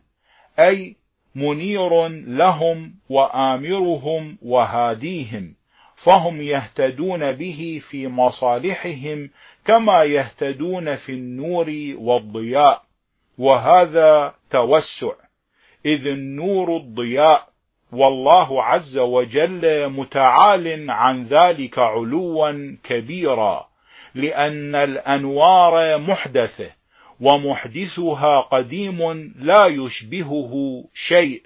وعلى سبيل التوسع قيل إن القرآن نور لأن الناس يهتدون به في دينهم كما يهتدون بالضياء في مسالكهم. ولهذا المعنى كان النبي صلى الله عليه وآله وسلم منيرا. الوهاب الوهاب معروف وهو من الهبة يهب لعباده ما يشاء ويمن عليهم بما يشاء. ومنه قوله عز وجل يهب لمن يشاء إناثا ويهب لمن يشاء الذكور. الشورى الآية التاسعة والأربعون. الناصر. الناصر والنصير بمعنى واحد والنصرة حسن المعونة. الواسع الواسع الغني والسعة الغنى. يقال فلان يعطي من سعة أي من غنى والوسع جدة الرجل وقدرة ذات يده. ويقال أنفق على قدر وسعك. الودود الودود فعول بمعنى مفعول كما يقال هيوب بمعنى مهيب يراد به أنه مودود ومحبوب ويقال بل فعول بمعنى فاعل كقولك غفور بمعنى غافر. أي يود عباده الصالحين ويحبهم والود والوداد مصدر المودة فلان ودك ووديدك أي حبك وحبيبك. الهادي الهادي معناه أنه عز وجل يهديهم للحق. والهدى من الله عز وجل على ثلاثة أوجه فوجه هو الدلالة. قد دلهم جميعا على الدين والثاني هو الإيمان والإيمان هدى من الله عز وجل كما أنه نعمة من الله عز وجل. والثالث هو النجاة وقد بين الله عز وجل أنه سيهدي المؤمنين بعد وفاتهم فقال والذين قتلوا في سبيل الله فلن يضل أعمالهم. سيهديهم ويصلح بالهم. محمد الآية الرابعة والخامسة. ولا يكون الهدى بعد الموت والقتل إلا الثواب والنجاة. وكذلك قوله عز وجل إن الذين آمنوا وعملوا الصالحات يهديهم ربهم بإيمانهم. يونس الآية التاسعة. وهو ضد الضلال الذي هو عقوبة الكافر. وقال الله عز وجل ويضل الله الظالمين. إبراهيم الآية السابعة والعشرون أي يهلكهم ويعاقبهم. وهو كقوله عز وجل أضل أعمالهم. محمد الآية الأولى أي أهلك أعمالهم وأحبطها بكفرهم. الوفي الوفي معناه أنه يفي بعهدهم ويوفي بعهده. يقال رجل وفي وموف وقد وفيت بعهدك وأوفيت. لغتان. الوكيل الوكيل معناه المتولي أي القائم بحفظنا. وهذا هو معنى الوكيل على المال منا. ومعنى ثان أنه المعتمد والملجأ والتوكل الاعتماد عليه والالتجاء إليه. الوارث الوارث معناه أن كل من ملكه الله شيئا يموت. ويبقى ما كان في ملكه ولا يملكه إلا الله تبارك وتعالى. البر البر معناه الصادق. يقال صدق فلان وبر ويقال برت يمين فلان إذا صدقت وأبرها الله أي أمضاها على الصدق. الباعث. الباعث معناه أنه يبعث من في القبور ويحييهم وينشرهم للجزاء والبقاء. التواب. التواب معناه أنه يقبل التوبة ويعفو عن الحوبة إذا تاب منها العبد. يقال تاب العبد إلى الله عز وجل فهو تائب إليه وتاب الله عليه أي قبل توبته فهو تواب عليه. والتوب التوبة ويقال اتأب فلان من كذا مهموزا إذا استحيا منه.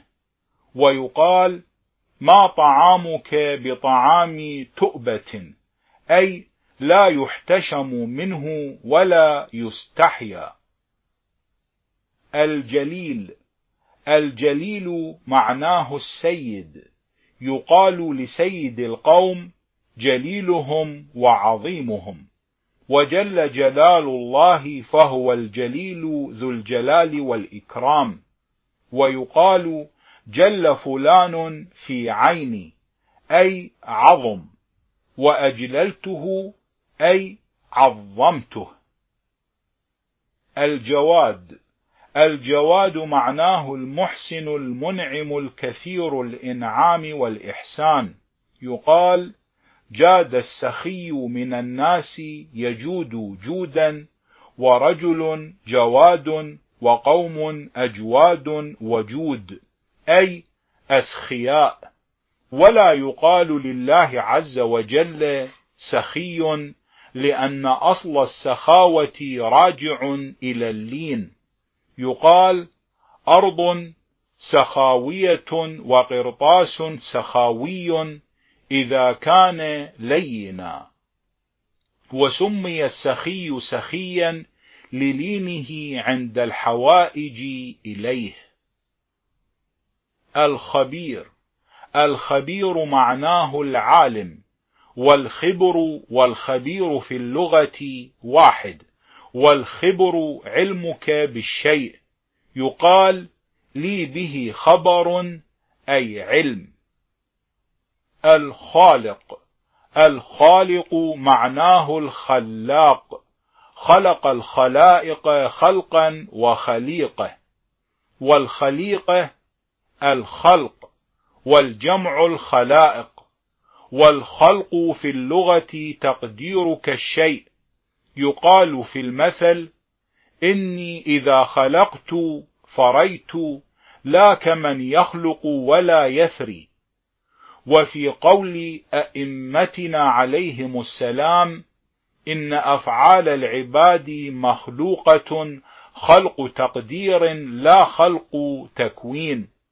وخلق عيسى عليه السلام من الطين كهيئة الطير هو خلق تقدير أيضا ومكون الطير وخالقه في الحقيقة هو الله عز وجل. خير الناصرين خير الناصرين وخير الراحمين معناه أن فاعل الخير إذا كثر ذلك منه سمي خيرا توسعا الديان. الديان هو الذي يدين العباد ويجزيهم بأعمالهم. والدين الجزاء. ولا يجمع لأنه مصدر. يقال دان يدين دينا ويقال في المثل كما تدين تدان. أي كما تجزي تجزى. قال الشاعر كما يدين الفتى يوما يدان به من يزرع الثوم لا يقلعه ريحانا. الشكور الشكور والشاكر معناهما أنه يشكر للعبد عمله وهذا توسع لأن الشكر في اللغة عرفان الإحسان وهو المحسن إلى عباده المنعم عليهم.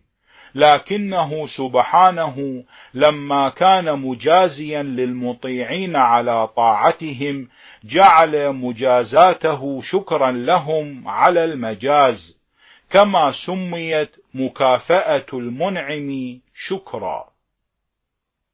العظيم العظيم معناه السيد. وسيد القوم عظيمهم وجليلهم. ومعنى ثان أنه يوصف بالعظمة لغلبته على الأشياء وقدرته عليها. ولذلك كان الوصف بذلك معظما. ومعنى ثالث أنه عظيم لأن ما سواه كله له ذليل خاضع. فهو عظيم السلطان عظيم الشأن. ومعنى رابع أنه المجيد. يقال عظم فلان في المجد عظامه والعظامة مصدر الأمر العظيم والعظمة من التجبر وليس معنى العظيم ضخم طويل عريض ثقيل. لأن هذه المعاني معاني الخلق وآيات الصنع والحدث وهي عن الله تبارك وتعالى منفية. وقد روي في الخبر أنه سمي العظيم لأنه خالق الخلق العظيم ورب العرش العظيم وخالقه. اللطيف.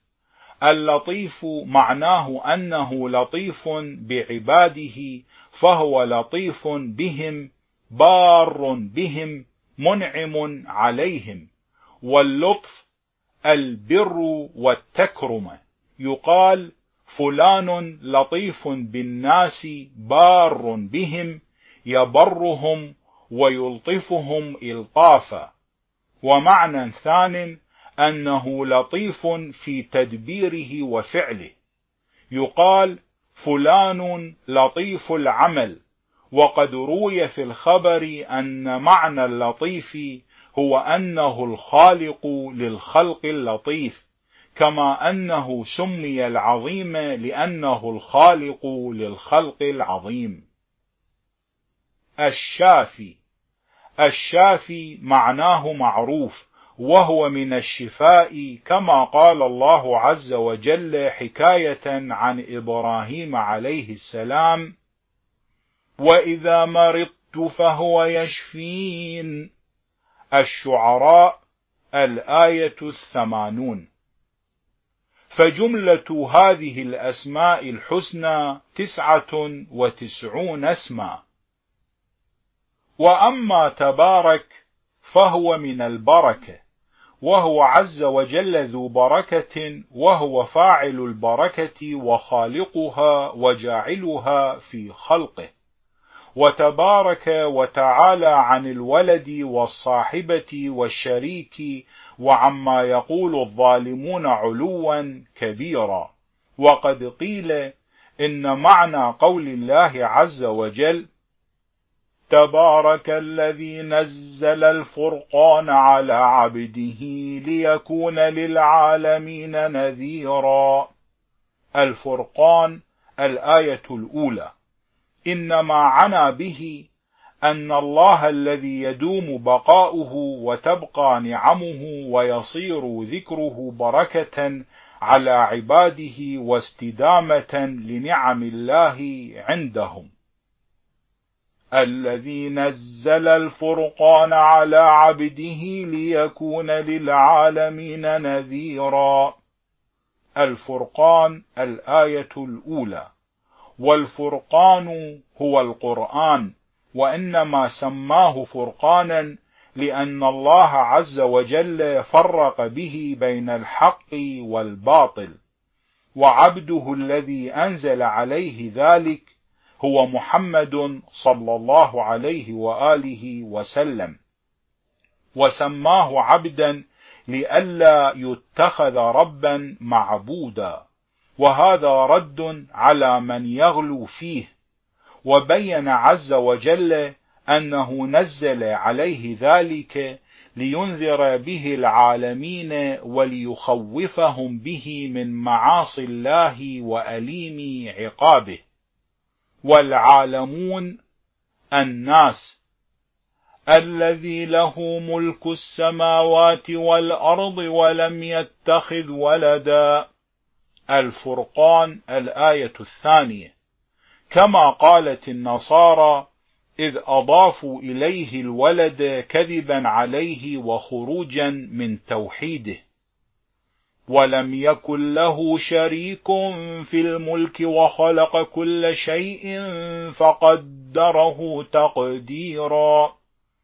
الفرقان الآية الثانية يعني أنه خلق الأشياء كلها على مقدار يعرفه وأنه لم يخلق شيئا من ذلك على سبيل سهو ولا غفلة ولا تنحيب ولا على مجازفة بل على المقدار الذي يعلم أنه صواب من تدبيره وأنه استصلاح لعباده في أمر دينهم وأنه عدل منه على خلقه لأنه لو لم يخلق ذلك على مقدار يعرفه على سبيل ما وصفناه لوجد في ذلك التفاوت والظلم والخروج عن الحكمة وصواب التدبير إلى العبث والظلم والفساد كما يوجد مثل ذلك في فعل خلقه الذين ينحبون في أفعالهم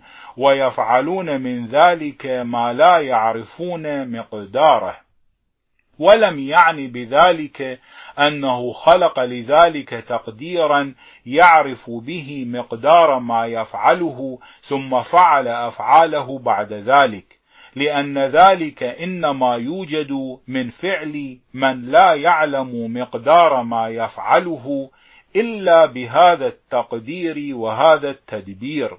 والله سبحانه لم يزل عالما بكل شيء وإنما عنا بقوله فقدره تقديرا. الفرقان الآية الثانية أي فعل ذلك على مقدار يعرفه على ما بيناه وعلى أن يقدر أفعاله لعباده بأن يعرفهم مقدارها ووقت كونها ومكانها الذي يحدث فيه ليعرفوا ذلك.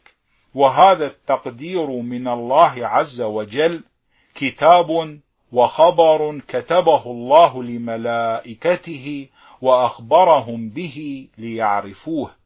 فلما كان كلامه لم يوجد إلا على مقدار يعرفه لئلا يخرج عن حد الصدق إلى الكذب وعن حد الصواب إلى الخطأ وعن حد البيان إلى التلبيس. كان ذلك دلالة على أن الله قد قدره على ما هو به وأحكمه وأحدثه.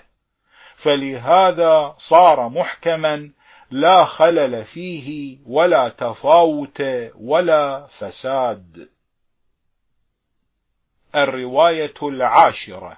حدثنا غير واحد قالوا حدثنا محمد بن همام عن علي بن الحسين قال حدثني جعفر بن يحيى الخزاعي عن أبيه قال دخلت مع أبي عبد الله عليه السلام على بعض مواليه يعودوه فرأيت الرجل يكثر من قولي آه فقلت له يا أخي أذكر ربك واستغث به فقال أبو عبد الله عليه السلام إن آه اسم من أسماء الله عز وجل. فمن قال آه استغاث بالله تبارك وتعالى. الرواية الحادية عشرة. حدثنا أبو الحسن علي بن عبد الله بن أحمد الإصبهاني الأسواري قال حدثنا مكي بن أحمد بن سعدويه البرذعي قال أخبرنا أبو إسحاق إبراهيم بن عبد الرحمن القرشي بدمشق وأنا أسمع. قال حدثنا أبو عامر موسى بن عامر المري قال حدثنا الوليد بن مسلم قال حدثنا زهير بن محمد عن موسى بن عقبة عن الأعرج عن أبي هريرة أن رسول الله صلى الله عليه وآله وسلم قال إن لله تبارك وتعالى تسعة وتسعين اسما مئة إلا واحدا. إنه وتر يحب الوتر. من أحصاها دخل الجنة. فبلغنا أن غير واحد من أهل العلم قال إن أولها يفتتح بلا إله إلا الله وحده لا شريك له. له الملك وله الحمد. بيده الخير. وهو على كل شيء قدير. لا إله إلا الله له الأسماء الحسنى. الله الواحد الصمد الأول الآخر الظاهر الباطن الخالق البارئ المصور. الملك القدوس السلام المؤمن المهيمن العزيز الجبار المتكبر. الرحمن الرحيم اللطيف الخبير السميع البصير العلي العظيم المتعالي الجليل الجميل الحي القيوم القادر القاهر الحكيم القريب المجيب الغني الوهاب الودود الشكور الماجد الأحد الولي الرشيد الغفور الكريم الحليم التواب الرب المجيد الحميد الوفي الشهيد المبين البرهان الرؤوف المبدئ المعيد. الباعث الوارث القوي الشديد الضار النافع الوافي. الحافظ الرافع القابض الباسط المعز المذل الرازق ذو القوة المتين. القائم الوكيل العادل الجامع المعطي المجتبي المحيي المميت. الكافي الهادي الأبد الصادق النور القديم الحق الفرد الوتر الواسع المحصي المقتدر المقدم المؤخر المنتقم البديع. الرواية الثانية عشرة. حدثنا محمد بن الحسن بن أحمد بن الوليد رضي الله عنه قال حدثنا محمد بن الحسن الصفار عن محمد بن عيسى بن عبيد عن الحسن بن محبوب عن علي بن رئاب عن غير واحد عن أبي عبد الله عليه السلام قال من عبد الله بالتوهم فقد كفر. ومن عبد الاسم ولم يعبد المعنى فقد كفر. ومن عبد الاسم والمعنى فقد أشرك. ومن عبد المعنى بإيقاع الأسماء عليه بصفاته التي وصف بها نفسه فعقد عليه قلبه ونطق به لسانه في سرائره وعلانيته فأولئك أصحاب أمير المؤمنين عليه السلام. وفي حديث آخر أولئك هم المؤمنون حقا. الأنفال الآية الرابعة. الرواية الثالثة عشرة. حدثنا محمد بن محمد بن عصام الكليني وعلي بن أحمد بن محمد بن عمران الدقاق رحمهما الله قال حدثنا محمد بن يعقوب الكليني عن علي بن إبراهيم عن أبيه عن النضر بن سويد عن هشام بن الحكم أنه سأل أبا عبد الله عليه السلام عن أسماء الله عز وجل واشتقاقها فقال الله مشتق من إله وإله يقتضي مألوها والاسم غير المسمى. فمن عبد الاسم دون المعنى فقد كفر ولم يعبد شيئا. ومن عبد الاسم والمعنى فقد أشرك وعبد الاثنين. ومن عبد المعنى دون الاسم فذاك التوحيد. أفهمت يا هشام؟ قال قلت زدني. قال لله عز وجل تسعة وتسعون اسما. فلو كان الاسم هو المسمى لكان كل اسم منها هو إله. ولكن الله عز وجل معنى يدل عليه بهذه الأسماء وكلها غيره. يا هشام الخبز اسم للمأكول والماء اسم للمشروب والثوب اسم للملبوس والنار اسم للمحرق. أفهمت يا هشام فهما تدفع به وتنافر أعداءنا والملحدين في الله والمشركين مع الله عز وجل غيره؟ قلت نعم. فقال نفعك الله به وثبتك يا هشام. قال هشام فوالله ما قهرني أحد في التوحيد حينئذ حتى قمت من مقامي هذا. الرواية الرابعة عشرة. حدثنا أبو الحسن علي بن عبد الله بن أحمد الأسواري قال حدثنا مكي بن أحمد بن سعدويه البرذعي قال أخبرنا إسماعيل بن محمد بن الفضل بن المسيب البيهقي قال حدثني جدي قال حدثنا ابن أبي أويس قال حدثني أحمد بن محمد بن داود بن قيس الصنعاني قال حدثني أفلح بن كثير عن ابن جريج عن عمر بن شعيب عن أبيه عن جده عن النبي صلى الله عليه وآله وسلم أن جبرائيل نزل عليه بهذا الدعاء من السماء ونزل عليه ضاحكا مستبشرا فقال السلام عليك يا محمد. قال وعليك السلام يا جبرائيل.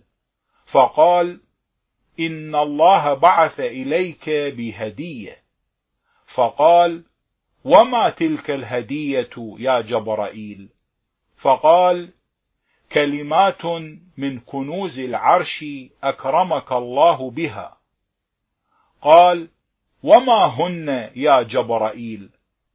قال قل يا من أظهر الجميل وستر القبيح يا من لم يؤاخذ بالجريرة ولم يهتك الستر يا عظيم العفو يا حسن التجاوز يا واسع المغفرة يا باسط اليدين بالرحمة يا صاحب كل نجوى ويا منتهى كل شكوى يا مقيل العثرات يا كريم الصفح يا عظيم المن يا مبتدئا بالنعم قبل استحقاقها. يا ربنا ويا سيدنا ويا مولانا ويا غاية رغبتنا.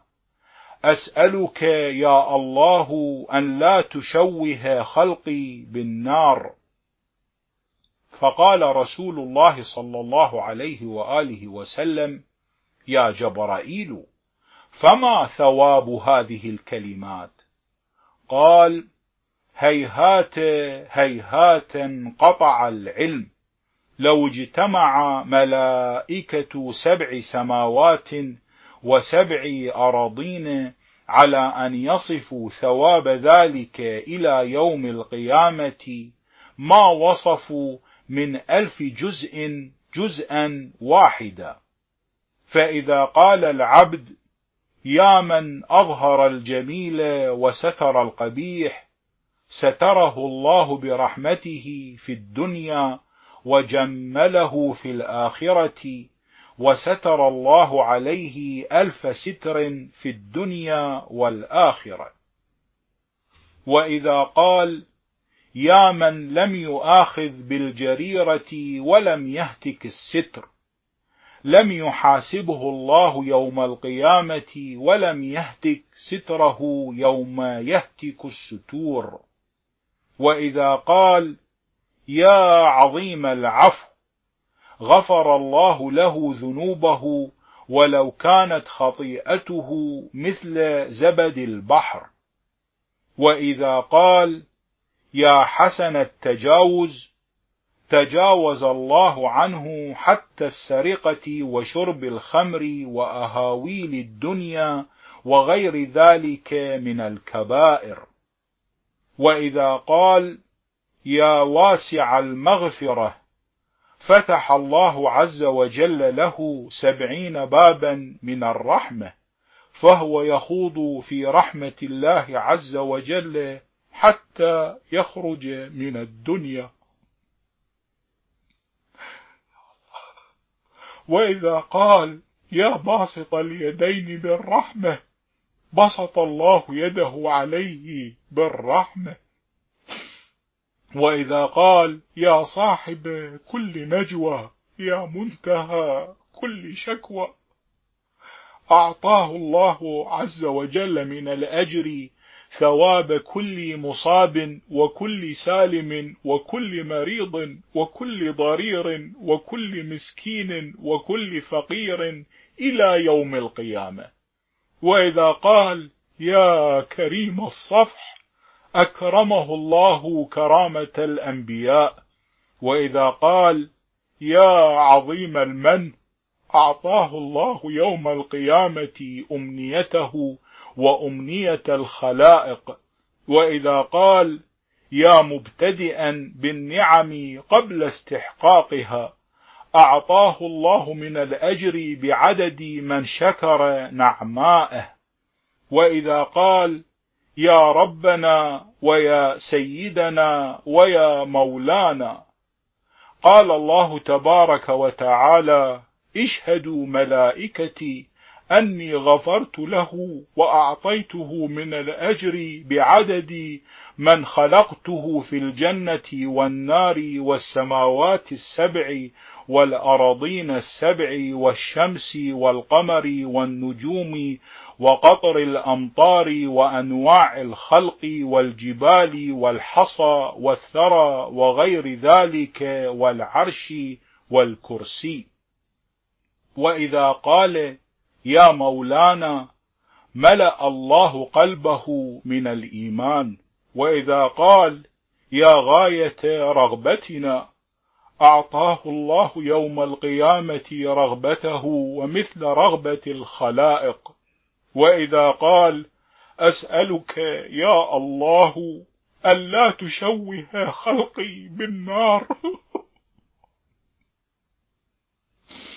قال الجبار جل جلاله استعتقني عبدي من النار اشهدوا ملائكتي أني قد أعتقته من النار وأعتقت أبويه وإخوته وأخواته وأهله وولده وجيرانه وشفعته في ألف رجل ممن وجب لهم النار وآجرته من النار.